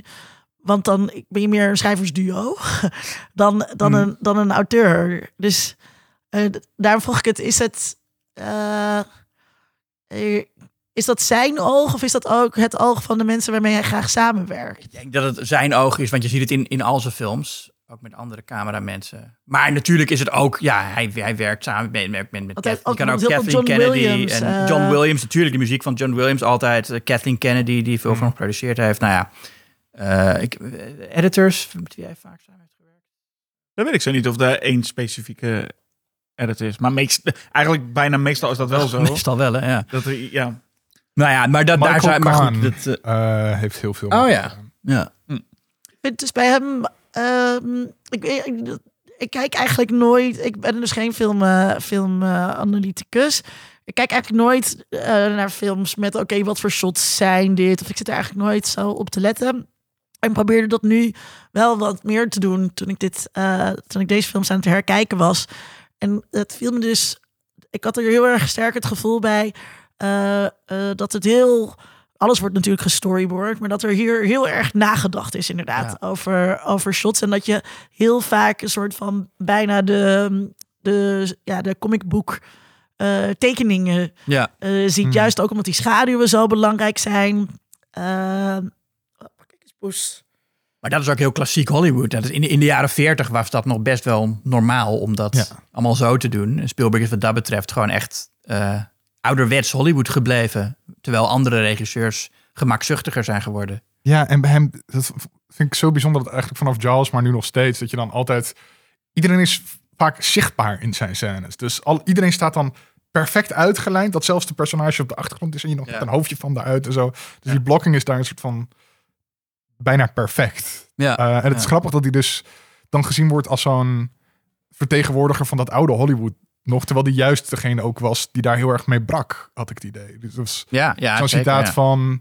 Was het nou Hitchcock of Q? Volgens mij Hitchcock. Die zei van hij is de, de eerste van ons die eh, de randen van het theater niet meer ziet. Hij is de eerste van ons die echt puur in film denkt. Oh, ja, en ja. niet meer als het we Ja. zetten een camera op een toneelstuk. Eh, dus hij wordt ook wel gezien juist als iemand die daarmee brak. Ja. Maar wat jullie ook zegt over die, die one-take, dat het hij, of die oneer, dat hij ehm, niet echt aan het opscheppen ermee is. Maar ik heb Mhm. dat gewoon het gevoel bij al zijn shots. Er zit bijna nooit een shot tussen waarvan ik echt denk, oh, hier ben je even aan het, aan het Ja. showen. Het- Alles lijkt als een soort van, nou, zo, zo hoort het toch gewoon? Alsof hij het gewoon daarom doet. Er zit Ja, nooit iets in van, kijk nou, kijk nou. Kijk eens voor een geweldig shot. Of kijk inderdaad voor Mhm. wat een geweldige one ik heb gemaakt. Maar gewoon het zo, ja, zo, zo hoort het. En hij maakt, het- dat is ook een beetje zo'n cliché om te zeggen, maar hij, hij maakt het allemaal zo makkelijk uitzien. Mm. Terwijl er heel erg over nagedacht is en het helemaal precies klopt. Maar hij doet, hij maar- doet het ook ja. alsof het gewoon een kwestie is van, ja, dat, dat krijg je toch als je de camera erop richt. Maar is dat dan ook waarom mensen soms misschien op hem neerkijken? Omdat hij het gewoon zo effortless laat leggen. Ze niet daar aandacht naar trekt. Heel niet heel showy wel, is. want ik heb Ergens ergens omdat hij echt een verteller is. Mm. Maar ja, want ik heb wel het gevoel dat als je echt goed gaat, of doe het maar eens na, of hè, maak, verfilm dit script, dat je echt met iets heel anders komt. Dat je, zeker. Maar het doet oog inderdaad als van, ja, dit krijg je gewoon logisch, dit is Ja. logisch. Zo moet je het filmen, toch? Ja. Maar ja, dat, dus ik denk dat dat wel een stukje onderschatting is. Ja, Ik denk dat nou, verteller. Wat, wat nou ja, een beetje zoals mee? dat, wat, wat ook vaak over Stephen King gezegd wordt. Hij is geen groot schrijver, maar hij is een groot verteller. Want het is literair helemaal niet heel interessant, maar hij weet precies hoe hij je mee moet nemen in een verhaal. Zo filmt Spielberg ook. En maar het is best heel virtuoos wat Spielberg doet. Mhm. Eh, maar je merkt het niet, omdat het allemaal in dienst staat van het vertellen van het verhaal. En dat is denk ik ook de reden dat hij, in, dat hij ook zeker in de jaren 70, 80 eh, door sommige mensen gezien wo- werd zoals Scorsese Marvel ziet, zeg maar. Mhm. Van dit is de dood van cinema. En nou ja, in, in op zich heeft met zijn vormgeving van de blockbuster-formule heeft hij natuurlijk ook wel. Zo, de poes eh, Ja, de- de- is, de is, kat, is eh, baldadig aan het worden. Altijd als een podcast eh, is dat. Ja. Ehm, nee, maar goed, en die mensen hebben natuurlijk ook wel een punt dat Spielberg belangrijk is geweest in de vormgeving van, van de formule van de blockbuster en, en de marketing van de blockbuster. Mm. Misschien was de filmwereld wel veel artistiek interessanter geweest zonder zijn eh, invloed. dat is pijnlijk, pijnlijk om te zeggen. over Ja, nou ja, is- maar, ja, maar, Ja. nee, maar ik blijf hem geweldig vinden natuurlijk. En eh, eh, ehm, eh, ik denk dat ook, ja, dat, dat het daarom ook, dat we eigenlijk nu pas, nu pas begint het ook een beetje, eh, eh, hoe noem je dat, bon ton te worden om hem echt als kunstenaar te waarderen en, en, en te gaan kijken naar, ja. Daarvoor was hij toch ook gewoon veel te commercieel. Ja, precies, ja. Is dat ook omdat hij zo'n verteller is, is dat dan ook waarom hij zo'n range heeft aan verschillende soorten verhalen die hij vertelt, aan verschillende stijlen en dat, dat hij allemaal maar, maar doet en het komt er wel goed uit. Eh, speelt dat ook mee? Omdat hij gewoon alles ondergeschikt maakt aan het verhaal dat er voor hem ligt, aan het script? Denk het wel. En een klein element ook nog. We hebben het vaker in onze podcast over gehad. Dus bijvoorbeeld bij Jaws is heel lang dat iedereen altijd zei... Oh, bij Jaws? Ja, Jaws was een hele andere film geweest als die Ja. High het wel goed deed. Dat Spielberg eigenlijk een, een soort van monster B-film wilde maken... En dat de High deed niet goed op de set. Dat Maar is ook echt zo. En dat, daarom beeld. begon hij met de point of views. En daarom begon hij met John Williams. Zo, dat is ontstaan, dat verhaal. Dat eigenlijk het per ongeluk... is natuurlijk ook een mooi verhaal om te zeggen... dat Ja. Jaws is per ongeluk een meesterwerk geworden.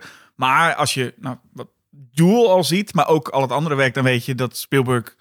Dit snapte hij al. Dat Ja, snapte bedoel, Dat, dat wist hij als geen ander. Dat Het is wel een- Newton al. Dat- en ik geloof best dat hij iets vaker in beeld zou zijn geweest... als dat ding het deed. Maar vast niet zo vaak dat we allemaal nu... eh, dachten van, oh, oh, is dit het? In de openingsscène al meteen die kuthaai, ja. Ja. Ja, nee, dat, dat absoluut niet. Dus het, het is ook een, een, het is een leuk verhaal, maar het is wel heel erg gefocust op toeval. En Ja. dat is het absoluut niet. Dat zie, Ja. je, dat zie je in alles. Linda, zijn er nog andere thematische dingen waarvan jij gelijk denkt, oh, dat is Spielberg? Ja, eh, dus het, het gaat natuurlijk heel erg over eh, dat perspectief van kinderen en de verheerlijking van de kindertijd. Eh, ik moet bij Spielberg, ehm, eh, ik, ik vind hem heel erg, want het ligt natuurlijk ook gewoon aan mij, heel erg jaren tachtig, regisseur die heel erg gevestigd is in de jaren tachtig.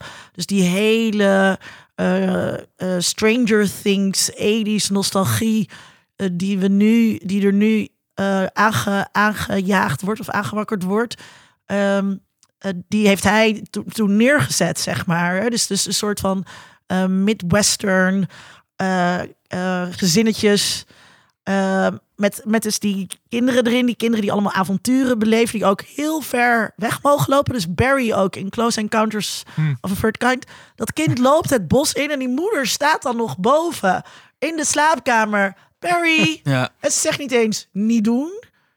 En dat het duurt gewoon best wel lang voordat ze achter hem aanrent. Oké, je kind van drie is gewoon als je, een als open dat, als je veld. dat, eh, nou probeert in die suburbs, dan word je gearresteerd. in een, in, inge, inge, eh, eh, ingerend. Maar ook in IT. Dus ehm, dat, dat zie ik er heel erg in. Ehm, en, ehm, eh, maar dus ook wel gebroken families. Mhm.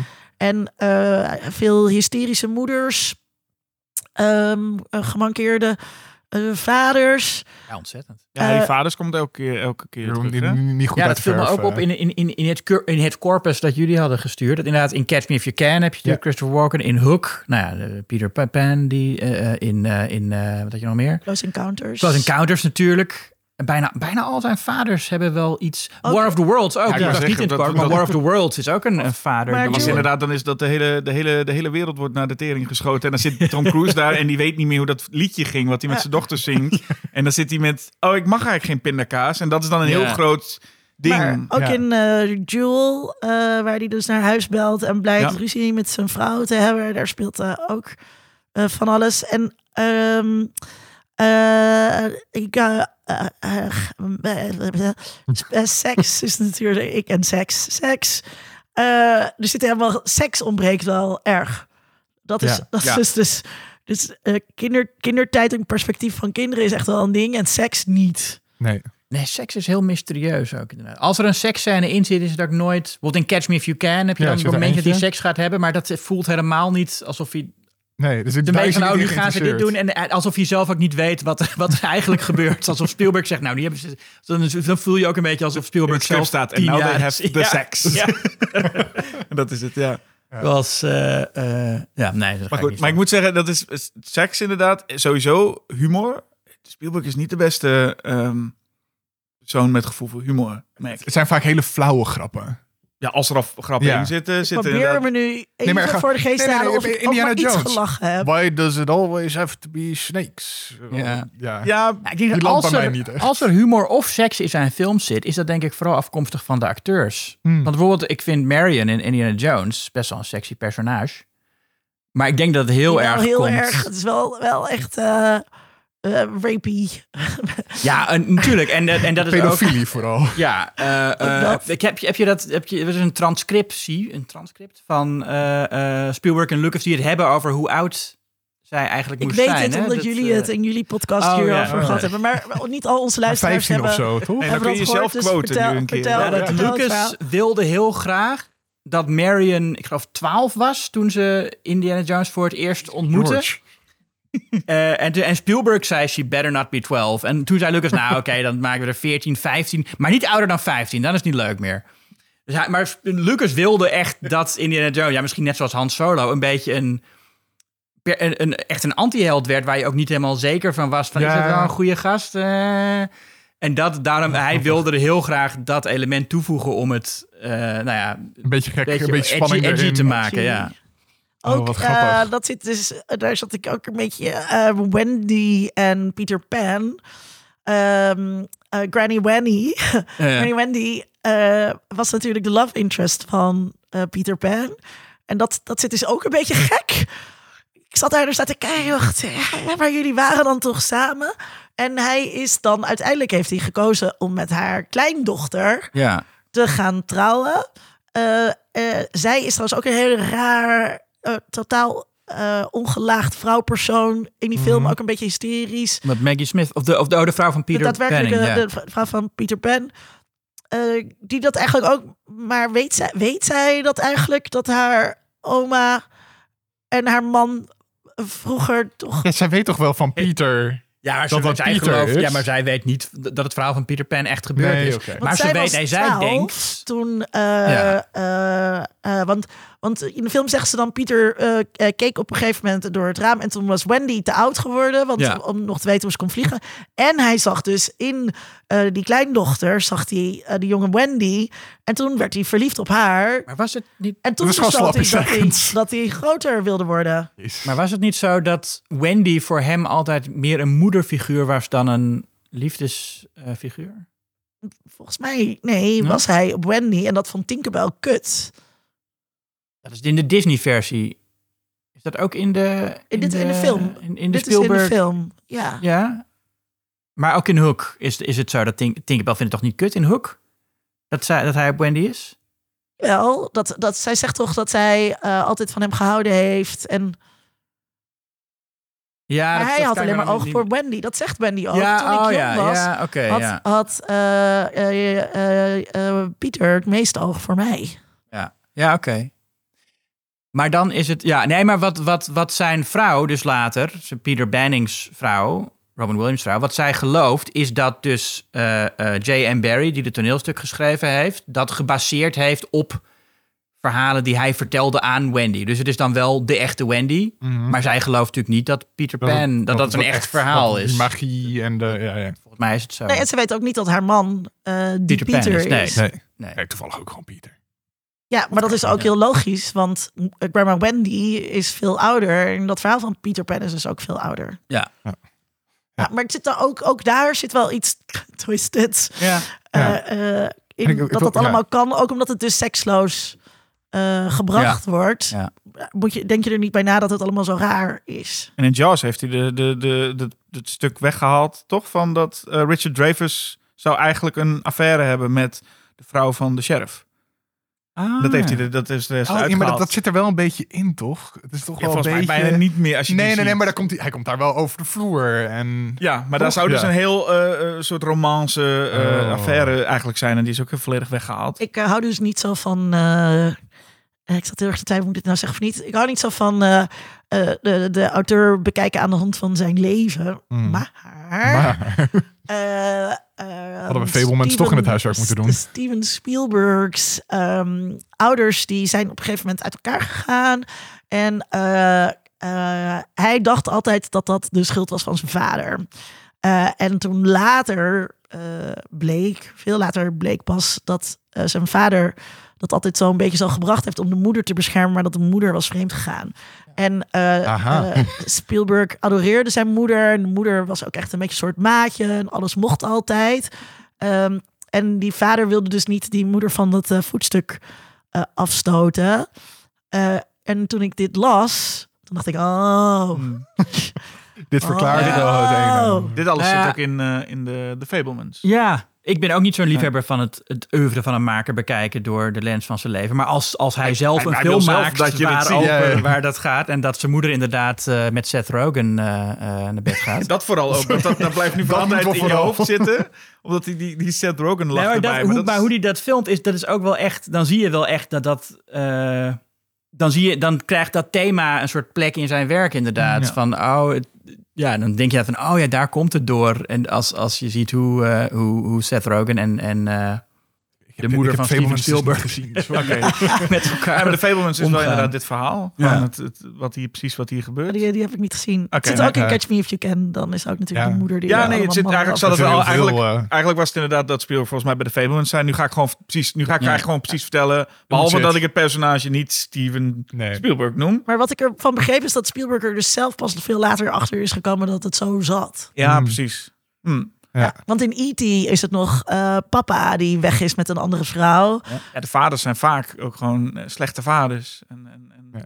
dat, daar wil hij dan vaak mee afrekenen, lijkt het. Ja, ze hebben ja, het toch ja. lekker aan het eh, psychoanalyseren. Toch wel, ja. Hoe ja, ben je ik ook wel eh, eh, eh, dan toch, als we het ook hadden over die, die Stranger Things en, en die soort van nostalgie naar de jaren tachtig wereld, daar worden van Stranger Things gebeurde vast zat, eh, zat duistere dingen in het dorp, maar dat gezin is altijd een beetje een veilig dingetje waar ze altijd naartoe terugkomen. Maar dan wordt dit dat vergeten dat in, bij Spielberg is die subur, suburbia is niet per se een veilige haven, is niet goed, is niet prachtig. Het is altijd gewoon er rot iets in suburbia eh, eh, bij hem. Eh, niet heel erg. niet heel aan de oppervlakte, maar er, er, er wringt altijd daar wel wat. Dat betreft is wel een beetje wat jij net ook zei over dat het ook een beetje Stephen King is. Ja. Die doet datzelfde. Mhm. Dat die twee elkaar nooit echt gevonden hebben is ook... eh, Spielberg nooit een Stephen King eh, verfilming heeft gemaakt. Hè? ja, Nee, dat zou best nog bij elkaar gepast Ja. hebben. Maar inderdaad, wat je zegt, dat, is, dat heeft ook de... Ja, eigenlijk dat Amblin gevoel, toch? Het bedrijf van, Mhm. van, van Spielberg, wat naast... Dat is volgens mij ook vooral om dan te zeggen dat het niet alleen maar zijn geregisseerde films zijn, maar dus ook Goonies. En Ja. ik denk ook Gremlins, Back to the Future. Goonies is trouwens eh, eh, een van de allerengste films ooit gemaakt. Ja, ja. Engste films. Ja, voor mij als kind. Ah. Ik heb daar echt heel lang nachtmerries van gehad. En nog Oh. steeds vind ik, kan ik dat echt, als ik daar aan denk, dan vind ik het weer eng. Zo voor horror en Wat, wat, Spielberg wat, vind je, gesproken. wat vind je er eng aan dan? Ehm, Daar dus, zitten best wel enge dingen in natuurlijk. Dus eh, je hebt dan de, sowieso die, dat, die, dat, die, met dat, ja, weet je ook weer? ja, ja, die dat ja. Sloth. Met Ja. dat verwrongen gezicht. Nou, dat vind ik al eh, helemaal eng. En eh, dan vangen ze dat dikke jongetje, of dat dinge jongetje dat ook, dat weet dan te ontsnappen. En dan weet hij een auto aan te houden. En dat zijn zij dan weer. Dus dat vind ik ook een heel eng beeld. En ze willen dan, geloof ik, iets met zijn hand door een blender doen of zo. nou, ja. dat staat allemaal, staat me allemaal heel erg... eh, Ja, nou, je het zegt. Ik vind kippen, allemaal- kippenvel. Het is echt een enge film. Voor iemand die acht is, is dat echt eng. want die ouder dan acht is, is het een ontzettend irritante film. Ja, dat is... Dat is echt is waar. Dit is ook waarom ik dus nooit heb gekeken. Dus ik zit hier echt gewoon van... Oh, het is, Deze film is niet... Ja. eh, Maar goed, we hebben, je wij het een irritante film vindt. Nee, nee, ik heb, hem- ik heb hem gewoon überhaupt nooit gezien. Ah, maar Als het is- kind niet. En daarom ga ik hem nu Ja. ook niet herkijken. Omdat ik weet dat die nu heel irritant is. nee, maar dat nee, is dus... het is echt een prachtige avonturenfilm. Nee, is- Oh, dat is... Nee, nee. Ik ga de? Goonies op de lijst zetten voor onze laatste kerstaflevering. Ja, Ja, nou, heel nee. goed. Maar goed, we hebben, ik bedoel, we hebben in, in eh, onze podcast met jullie hebben we ook eh, een aflevering gedaan over Goonies en Hook. Want ik vind Hook Oh. in dezelfde categorie vallen. Dat is een film die ik ook echt niet kan zien. Oh. Ik vind het echt de ergste die... Oh. Een hele Oh. irritant, ook een hele irritante film. Maar ja, dat is ook iets, ik kan me best voorstellen, wat jullie dus ook zei. Als je dat als kind ziet, dan geloof ik best dat je ermee weg kan lopen. Maar Oh ja, Ja, maar wel- als je als, als, als volwassene voor het eerst ziet, zeg maar, is het echt een hele irritante film. Het is Ja, maar wat meer ik- zoet. Het is echt... Ja, Ja, wat, wat, ik, wat, ik, wat, ik, pijn. Ja, het is, wat, ik, wat, ik, wat ik toen al zei en nog steeds zeg over The Goonies en Hook. Ik denk, The Goonies vind ik ook echt een slecht gemaakte film. En ik denk dat Steven Spielberg kan wel een slechte film maken, maar hij kan niet een film slecht maken. Hmm. Hij is nooit dat hij opeens slecht is in, in blocking en in, Ja. in filmen en dat zo. de spanningsboog in de scène niet klopt. Ja, dus het, films kan, het kan wel een, een slappe film zijn. En Hoek is dat om allerlei redenen. Hoewel ik het deel in Londen nog steeds heel sterk vind. Mhm. Maar het is wel echt een film waarin je ziet dat, hij, dat Spielberg eh, gewoon Spielberg is. ik, vind, ik, ja, ik vind echt... Ik heb een hekel aan Robin Williams en ik vind Dustin Hoffman ook verschrikkelijk. Maar ik vind Hook gewoon... Het is gewoon een magische film. En hoe ze dat, eh, deze eh, niet hertelling van, van eh, Peter Pan, maar toch wel een soort van.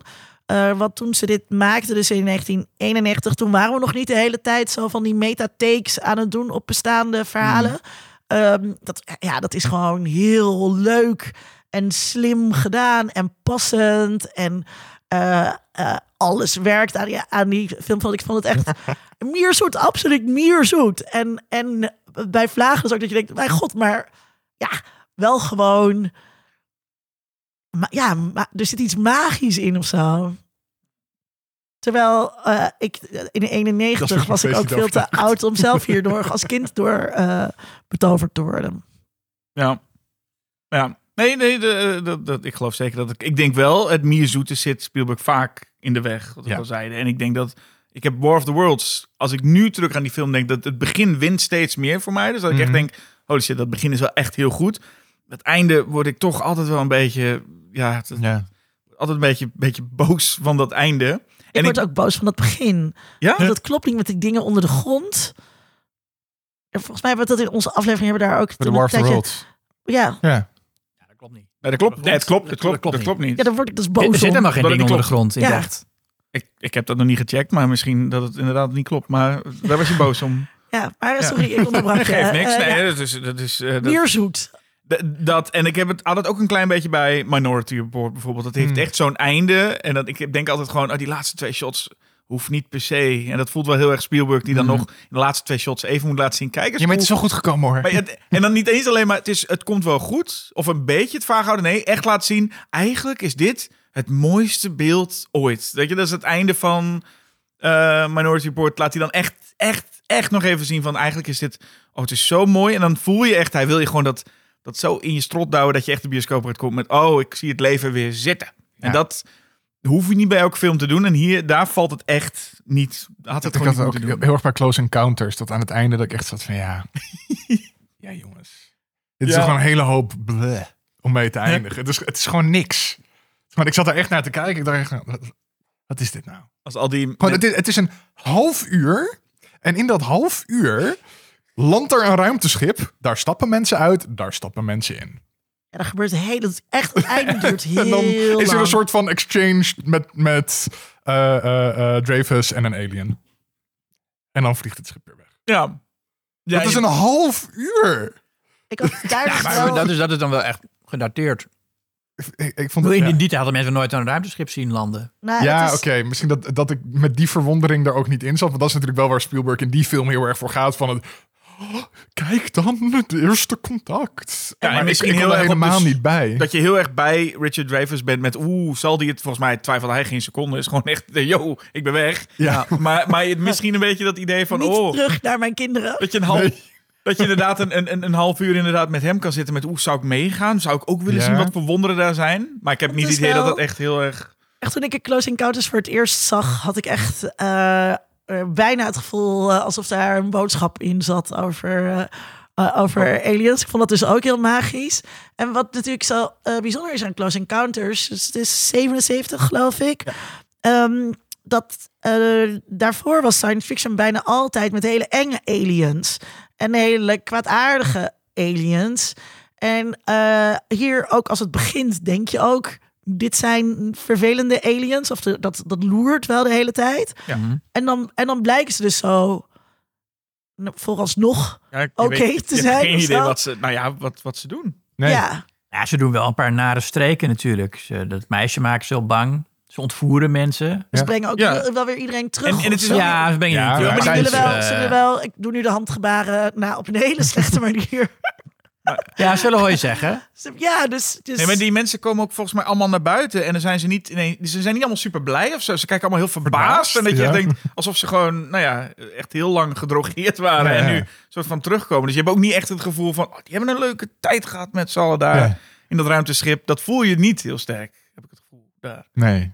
Nee, ik had, ik had heel erg het idee van in mijn hoofd hoe ik het heb ingevuld van bij hun is er geen tijd vergaan. Ja. En eh, zij komen dan dus, ze zijn in het verleden, eh, veel jaren geleden, ge, ge- ontvoerd. Eh, en stappen dus nu in 1977 weer uit van wow, de wereld is veranderd.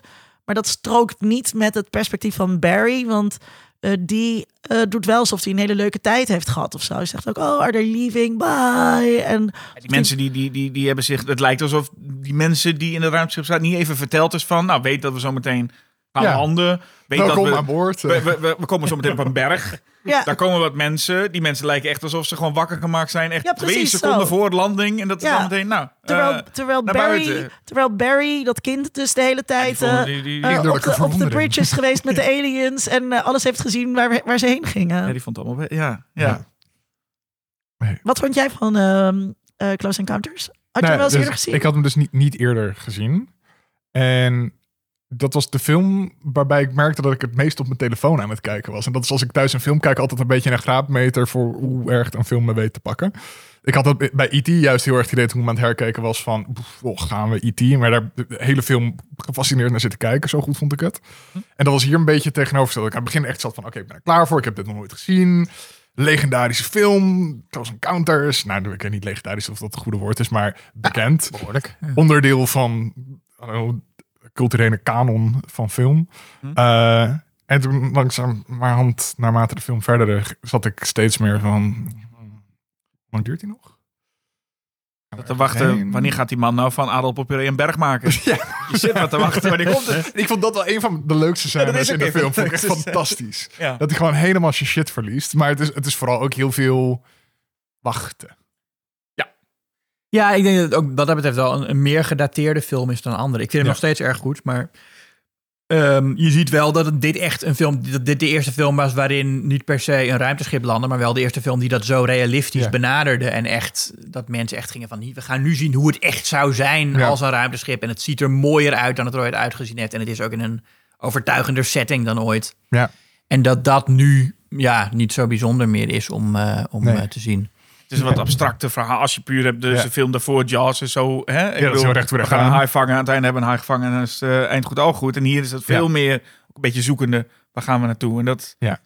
Ja, dat zie je sowieso bij Spielberg niet vaak. Vind ik ook wel fijn aan hem. Ja. Dat de verhalen meestal toch redelijk recht toe, recht aan, goed rond zijn. Ja. Ehm, ja, maar dat is bij Close Encounters iets, iets minder. Wow. Ja, je moet je telefoon ook niet bij hebben als je een film gaat kijken, Tom. Soms zit je gewoon op de bank op een zaterdagavond en dan heb je ook gewoon een drukke werkweek gehad. En dan, eh, Nou, Ja. oké, oké, oké. ja, sorry. Maar, maar goed, dat, ik, wat ik nog had over dat, dat humor. Ik weet niet of jullie nog voorbeelden kunnen bedenken. Ik kon één voorbeeld bedenken uit Minority Report. Dat Tom Cruise na een tijdje achtervolgen ineens een yoga studio ja, invalt. dat is, ja, En dan loopt er iemand met haar hoofd tussen haar benen. En die zegt Ja. dan, hey, gaat het of zo? Iets. ja, En Ja, dat, dat, soort voelde dingen, heel ja. erg als... En dat bijna nog afsluit met een grapje. Ja. Dat is, Ook een soort Dick Maas. jullie kunnen nu lachen.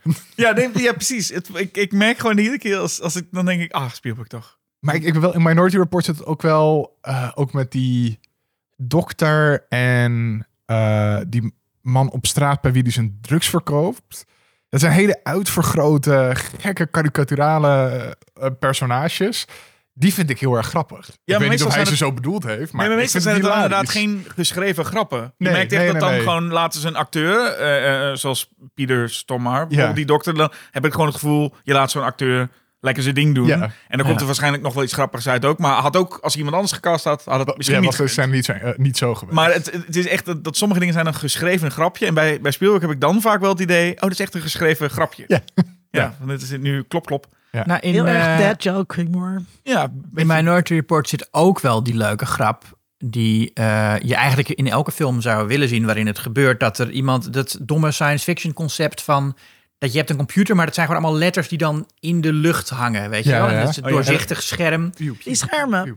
Ja. Dat maakt allemaal herrie. En echt van dit, deze Iedereen heeft al technologie. zijn geluidjes aanstaan. Ja, maar dan denk je echt van, waarom zou deze technologie ooit dominant worden? Het is super lang, je kan het helemaal niet goed zien. Je kijkt er doorheen dat en, je bent alleen maar met je moesten. Aan het swipen de hele tijd. Ja. Maar daar zit dus wel die grap in. Dat op een gegeven moment dat Tom Cruise of iemand een hand wil geven of zo. Oh, ja, en dat hij dan per ongeluk al die dingen Ja. eh, wegflikkert. Ja, En dat, zit, en dat is precies van ja, dat is wat er zou gebeuren. En Ja. daarom is die technologie helemaal niet, niet. functioneel. Ja. Maar Minority Report is dus een van de eerste films waarin die technologie gebruikt wordt. En nou Ja. zie je dat in, in bijna alle science fiction films en alle Marvel films hebben ze hetzelfde. Maar was wel je- zou, je zou telkens die grap willen zien. Ja, want omdat Spielberg heeft er wel over nagedacht Ja. over als je dat dan hebt, hoe werkt dat dan? Ja. En daar, daarna is het gewoon bliepen de bloepen de blappie. En dat is hetzelfde Ja. als de, de grap in eh, Raiders, was het volgens mij, met dat eh, eh, Harrison Ford wil een eh, kostuum stelen van Ja. de nazi. Oh ja, ja. En dat hij dan hem steelt van iemand die... eh, en dat past hem niet. Ja. En dat is ook iets waarvan ik denk... Oh ja, leuk Ja. dat er met dat cliché even aan de Ja. haal wordt gegaan met... Ja, dat je kun je Ja. niet altijd iemand neerslaan meteen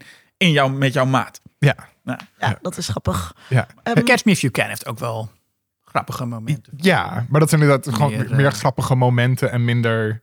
Een, er, er wordt een grap gemaakt. Ja, is echt heel grappig. Ik moet, ik moet zeggen dat Ik heb heel veel gelachen. Ja? Dus het- ik, You Can is wel een, een... Nou ja, ik, misschien... Ik zou het wel deels een comedy noemen. Maar wel een... Het is meer een luchtige film of zo.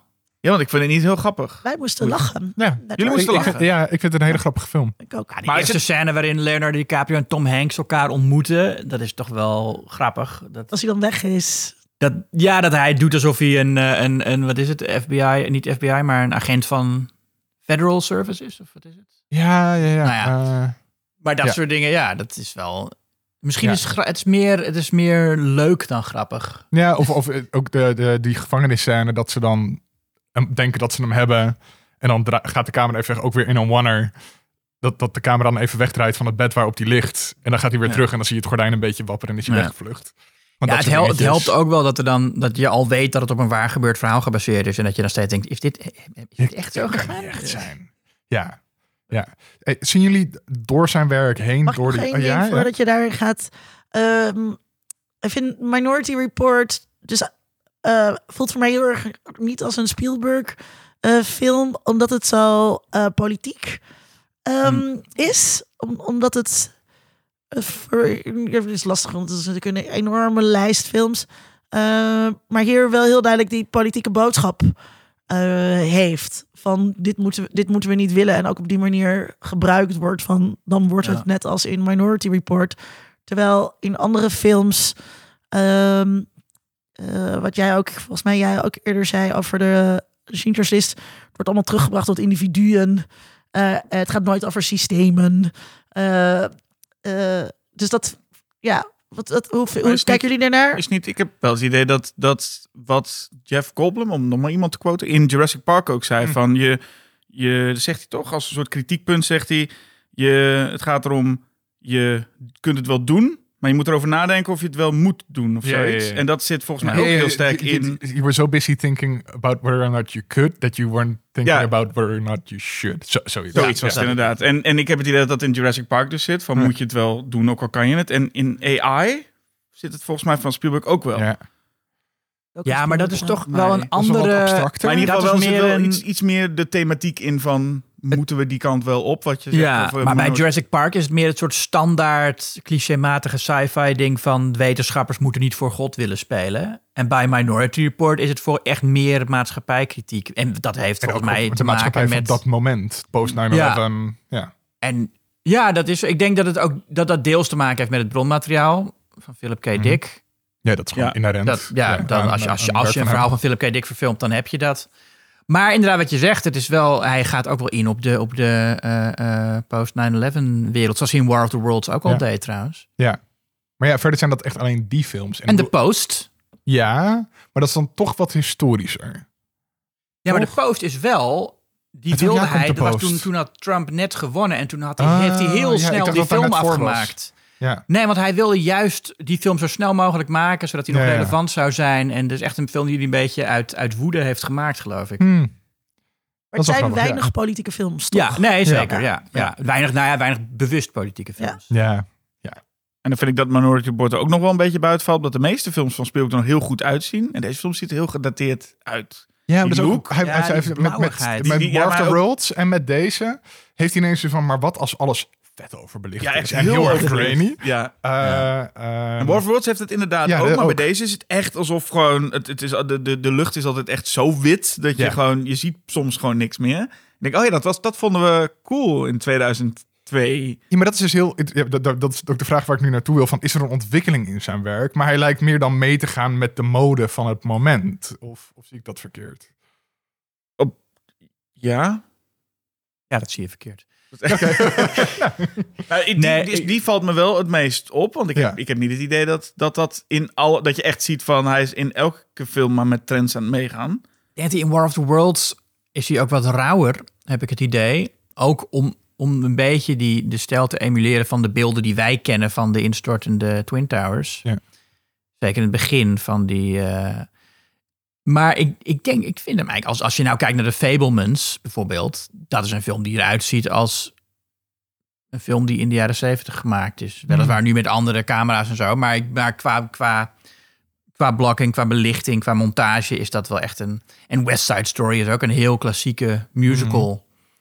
Ehm, en je, het is wel, hij kan, hij, hij kan meer. Hij is natuurlijk heel veel met CGI bezig. Eh, vanaf het begin al. En, en hij maakt heel graag gebruik van de mogelijkheden die CGI biedt om eh, eh, aan te vullen. Ehm, zie je ook in, in Kuifje en in de, in, de, in de grote vriendelijke reus. Dat hij daar zijn wanners nog veel langer de, maakt. Een kuifje heb je echt Ja. zo'n zo absurde. Ja, daar gaat hij wel, daar wordt hij wel een beetje is gewoon ongeremd. dikdoenerig ermee. Hè? Ja. Daar gaat het wel een beetje te ver. Ja. Ja. Maar nee, ik denk dat hij, ik denk dat hij, zijn ontwikkeling is eigenlijk dat hij de nieuwe technologie steeds inzet om hem beter te helpen een verhaal te vertellen. Of het nou Mhm. CGI is of nieuwe lenzen die hij weer gaat gebruiken of wat dan ook. Hij, maar ik vind, vind hem wel behoorlijk stijlvast als het op de vertelkunst aankomt. Hm. Ja, en ik denk dat hij zijn werk ook... Dus omdat Minority Report valt me vooral op. En er zullen wel een paar andere voorbeelden zijn. Maar dat over het algemeen, ik vind dat zijn werk niet heel erg dateert qua hoe het er ook uitziet. En Jurassic Park is het bekende voorbeeld. Dat heel veel mensen nog steeds denken... Hoe kan het toch dat het toen er wel goed uitzag en Ja. nu niet meer? Nou, Omdat dat, hij het heel tactisch inzette. Ja. dat hij het tactisch inzet en omdat het niet zo goedkoop was... dat je nu kun je zeggen Ja. Ctrl-Alt-P en je hebt een dinosaurus. En toen moest je er ook heel veel moeite voor doen. Ja. Maar ik denk dat het bij Jaws ook, ook zo is. Dat ondanks dat er momenten zijn... waarschijnlijk toen in die tijd ook al wel... dat de haai een beetje nep eruit zag aan Ja. het einde. Maar over het algemeen kan die film nog steeds. Ja. En, Kan hij heel erg nog steeds. Kan hij heel erg nog films, steeds. Ja. en ik denk dat inderdaad, als, als we het hebben over eh, West Side Story... wat ik qua cinematografie een van zijn beste films ook vind... ik denk dat die over, over, over 40, 50 jaar ook nog steeds Ja. kan. Dus hij maakt volgens mij heel veel films die niet snel dateren. Daarom vind ik Minority Report echt opvallen.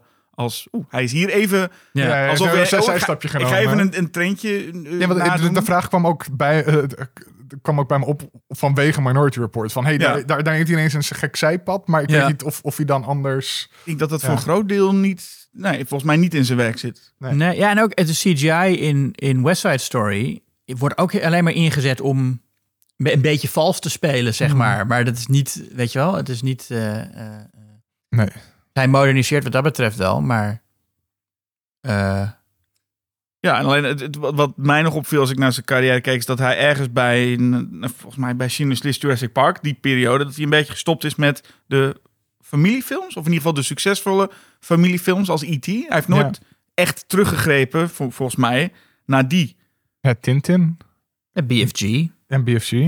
Ja, jij Oké, stom vindt. misschien succesvol. Ja, nee, dat Ja, vind ik ja, verschrikkelijk. Maar ehm, Ja, en je hebt nog wel, hij doet dan met Ready Player One een sci-fi blockbuster nog laatst. Ja, dat, Dat dat, vond ik vind ik wel... gedroogd. eh, ja, Nee, precies, en je hebt terecht. echt niet. eh. maar je merkt wel dat hij daar... film. ja, echt een slechte film. Maar het is niet alsof we inderdaad nu praten. Want je zou toch denken, oké, je hebt zo'n maker als Spielberg en je hebt dan dingen als nou, BFG en Ready Player One, dat je denkt, ah, hij is afgeschreven. Maar dan komen er een paar titels tussen. Ja. En Bridge of Spies heb ik nog niet gezien, maar die schijnt goed, goed te zijn. En je hebt dan ook in ieder geval Lincoln, daar krijg je Academy Awards Lincoln- regen Academy voor. Award. West Side Story is dan geflopt, maar wordt volgens mij ook door heel veel mensen wel, eh, eh, nou ja, Ja. gezien als een van de betere. Mhm. Ik denk, oh, hij is nog niet. En de Fablemans is volgens mij ook best, best positief Ja, dat heel, heel, vinden Dus mensen hij heel goed, is, zeg maar, dus je zou ook kunnen zeggen, ah, hij is klaar. Maar dat is hij de- volgens mij nog lang niet. Mhm. Maar nog lang niet, zal nu niet zo lang meer duren, Ja. denk ik. Zie jij eh, lijnen in zijn oeuvre? Nee, de- maar de- ik zie dus vooral Of consistentie, had ik het Ja. idee. En ik zie wel dat hij nu een ander soort film maakt. Met bijvoorbeeld Bridge of Spies en The Post en Lincoln. Is wel echt iets anders dan wat hij in de jaren tachtig deed. ja. Net je ook Color Purple. Maar net zat ik Ja. te denken, we hebben het nog helemaal... Niemand heeft nog The Color Purple genoemd. Maar Ook omdat ik, ik heb hem niet drie gezien. seconden na de Ja. gedachte zei je dit. Ja. Ehm, Maar kan je dat een beetje uit... Wat, wat, Nee, soort film ik verder niet over na. Die heb ik ook Ja. lang niet gezien. Ehm, ik weet? Maar wel daar zit dat, dat... al wel in. Ja, dat is ook wel een, een, een, een, een film over... Politieke film. Poli- zeker een politieke film. En eh, er werd toen ook tegen hem gezegd trouwens van... eh, kun jij als, als witte man wel het verhaal van een zwarte vrouw vertellen Mhm. in deze... Dus dat was toen ook al een ding. En hij, maar hij zat daar zelf ook mee trouwens. En toen zei iemand op een gegeven moment tegen hem... ja, maar je bent ook geen alien en je hebt wel E.T. gemaakt. Ja. Wat op zich wel een redelijk argument lijkt... tot, tot je bedenkt van ja, maar aliens zijn er ook niet. dus dat is... eh, Eh, dat eh, kan weet je helemaal niet. nee, wie weet zijn er aliens. Alien weet, Erasure, is, hier aan tafel. ja. Ja, er was ook een relletje eh, een aantal jaar geleden dat een actrice had gezegd dat er nooit vrouwen hoofdrollen hadden in Spielberg films. Eh, en toen riep iemand door Oh, de ja. zaal, wel hoor, Color Purple. Color Purple en BFG. Ja, maar dat Wat was ook allebei- na- volgens mij nadat die, dat relletje was. Oh ja, en allebei wel ook vanwege het bronmateriaal natuurlijk. Ja. Ik denk dat dat ook wel meespeelt waarom Ready Player One zo'n slechte film is. Het boek is ook echt waardeloos, Ready Ja. Player One. Maar dat is Ja. BFG niet.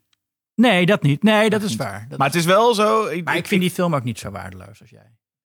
Oké, goed. Nee. Maar ehm, het is wel zo dat... Ik vraag me nu af, hij is nu dus de wat serieuzere films, laten we Ja. het zeggen, aan het maken. En over ik, het algemeen. Ja, over het Dat algemeen. lastig bij hem te, de- vast te zetten daarop. maar ik denk ook, ik denk, ik weet het niet, ik denk ook dat ik wel blij ben dat ik niet nu een Spielberg heb die nu nog eens een soort IT gaat proberen. Ik heb Ja. het idee dat hij op dat vlak wel ingehaald is.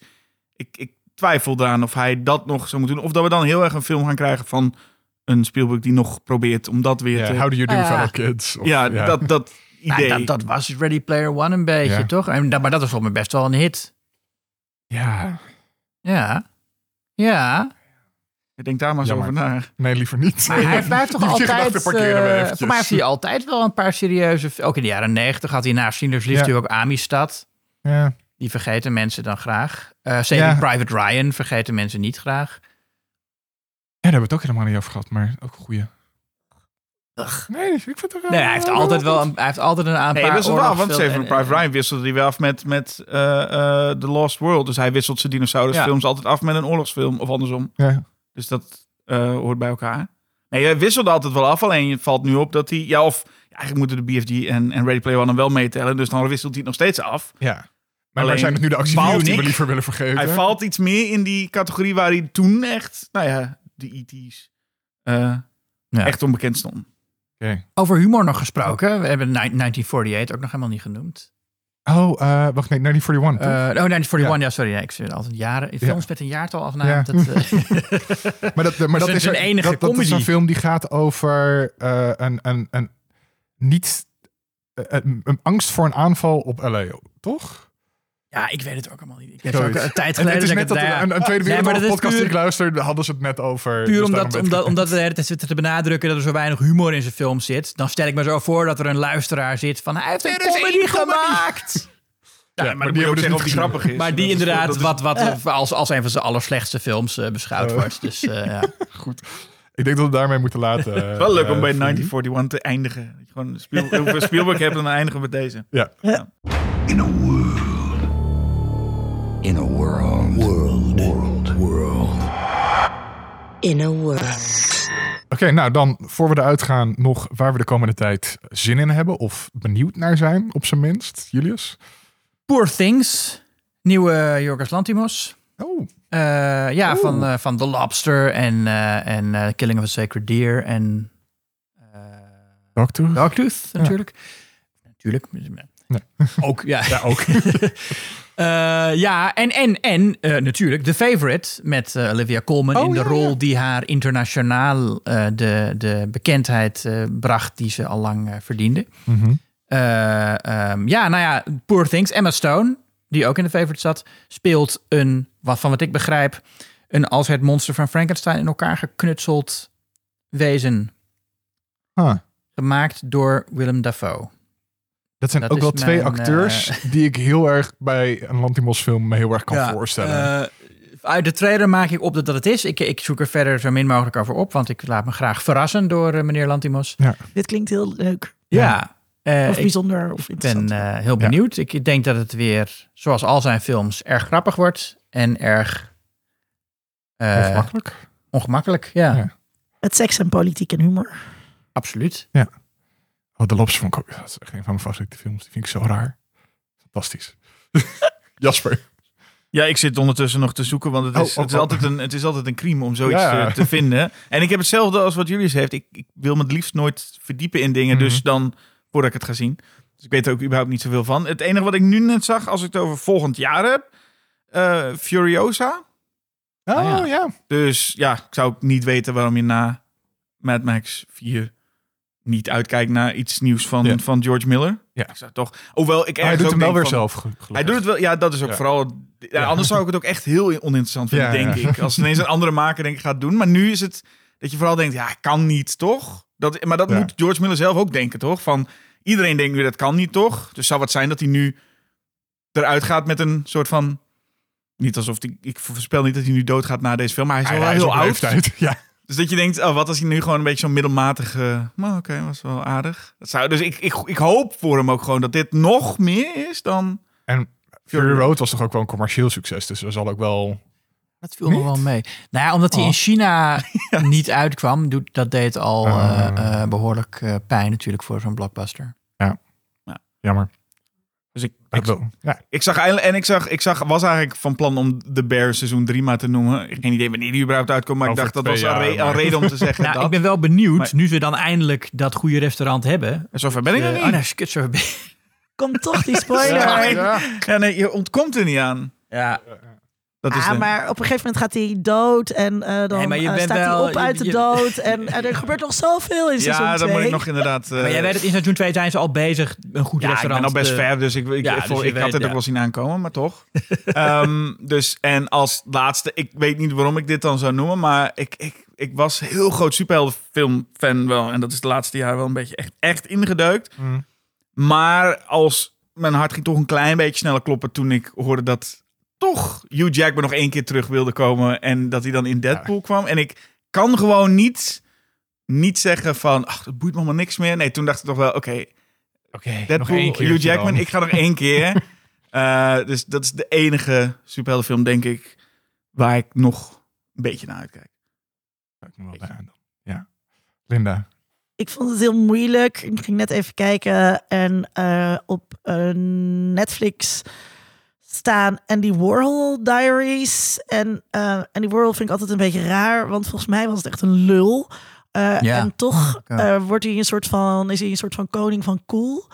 Ehm, en ik begrijp niet helemaal waarom, dus ik hoop dat dit daar inzicht, dat dit daar inzicht in gaat brengen. Maar dat zal ook wel niet met zo'n Netflix-titel eigenlijk. Nee, vast niet. Ja. Nee. Ehm, zelf heb ik nou, zin. Ja, wel zin. Ja, fuck het. Gewoon zin. Eh, in Masters of the Air, eh, als we het dan toch over Spielberg hebben eh, en Tom Hanks.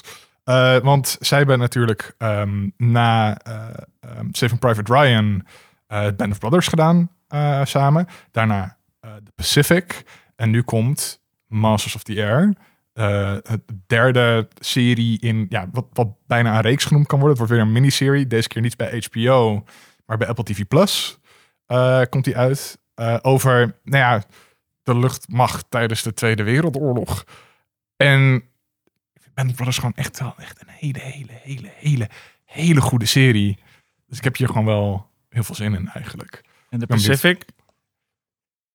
Ik durf het bijna niet te zeggen, maar die heb ik dus nog nooit gezien. Oké, oké. Nee, nee. Maar dan... Ehm, dus die ga je eerst nog zien voordat je... Ja, die, die ga ik eerst nog wel even kijken. Snap dit stukje knip ik er even uit, zodat mijn collega's van alle geschiedenis ooit dit niet horen. nee, ik laat het gewoon in. Goed, eh, nee, daar heb ik dus zelf dus eh, heel veel zin in. En ook voorzichtig hoopvol over de live-action serie van Avatar, die Netflix aan het maken is. Ehm, van Avatar The Last Airbender. Ja, niet precies, ja, Avatar, nee. de James Cameron filmserie. Oh, dat, dat zou nog op zijn minst 25 jaar duren voordat dat dan... mwah, 30. 30, ja. Oké. Nee, Oh, eh, dus die komt ook begin volgend jaar, maar dan wat later in februari eh, komt die volgens mij. En wordt het uit. een remake van? Het wordt een remake van eh The Last Airbender. Dus die eh, eerste vier seizoenen zijn dat volgens Ja, mij. Ja, of drie. Nee, drie seizoenen zijn het. en, en Night Shyamalan heeft er niks mee te maken. Helemaal niks. Oh. dus dit, daarom voorzichtig hoop. Daarom voorzichtig op. Ja, omdat dat... Wat zijn als hij weer zei, ik en ik ga het weer er. Het zou nog eens een twist zijn. oh, aan het einde ineens van directed by. It was me. Ja. All along. Moskov. Nee, oké. Eh, daar, daar, daar durf ik niet over na te denken. Goed. Daarbij ga ik hier Jasper en Julius heel erg bedanken dat jullie er weer waren. Voor deze Superleuk dat jullie er waren. Jullie bedankt voor de uitnodiging. Ja. En wat Ja. een eer dat wij in een van de laatste afleveringen... Ja, de twee na laatste nu. Eh, nog Twee na laatste. twee na laatste. Hierna nog twee te gaan. Dat, dat, dat de luisteraar dat ook weet. Ja, eh, nou, zoals altijd ook heel erg dank aan Linda. Heel, bedankt, Tom. heel erg dank aan Rona Bosman, onze vaste steun op Vriend van de Show of Patreon. Eh, steun ons daar vooral ook niet meer. Nee. Dat hoeft niet meer. Dat, Nee, dat Maar wel heel veel dank aan Ja. alle mensen die dat altijd gedaan hebben. Ja. Moet jullie overnopen naar de Schokkend Nieuws podcast qua steun. Je moet dat geld toch ergens Ja, kwijt? ja, nee. Dus eh, eh, warme aanbeveling Warme om inderdaad eh, de Schokkend Nieuws podcast eh, te steunen. Ehm, dit Waar was... kan dat? Oh ja, een linkje. Nou, hebben jullie een Patreon? Hebben jullie Nee, het wel? of- Maar van de ik, show? ik zei, we moeten misschien een Patreon maken, Jasper. Is het zo? Nou, hun hebben een Patreon en het, en het, en het, en het schijnt geld Nemen te die wel over. We, we dus, hebben toch de eh, hosting ermee uit. Dus, ja, eh, dan laten ja. wij, eh, neem je gewoon jullie Patreon over. Ja. Maar voor nu, als je, ik weet niet wanneer dit uitkomt, maar nu kun je nog in ieder geval mentale steun geven Ja. aan, eh, aan de Schokken Nieuws podcast. Door gewoon te luisteren via schokkendnieuws.nl of welke podcast-app je ook maar Welke wil podcast-app dan ook? gebruiken. Ja. Of het nou Spotify is of Die andere. Wat dan ook. Soundcloud staat hij ook op. Ja. Goed. En ons fysieke tijdschrift lezen. Dat zeker. Pocket News. Ja. Dit was Kiekje Dingen.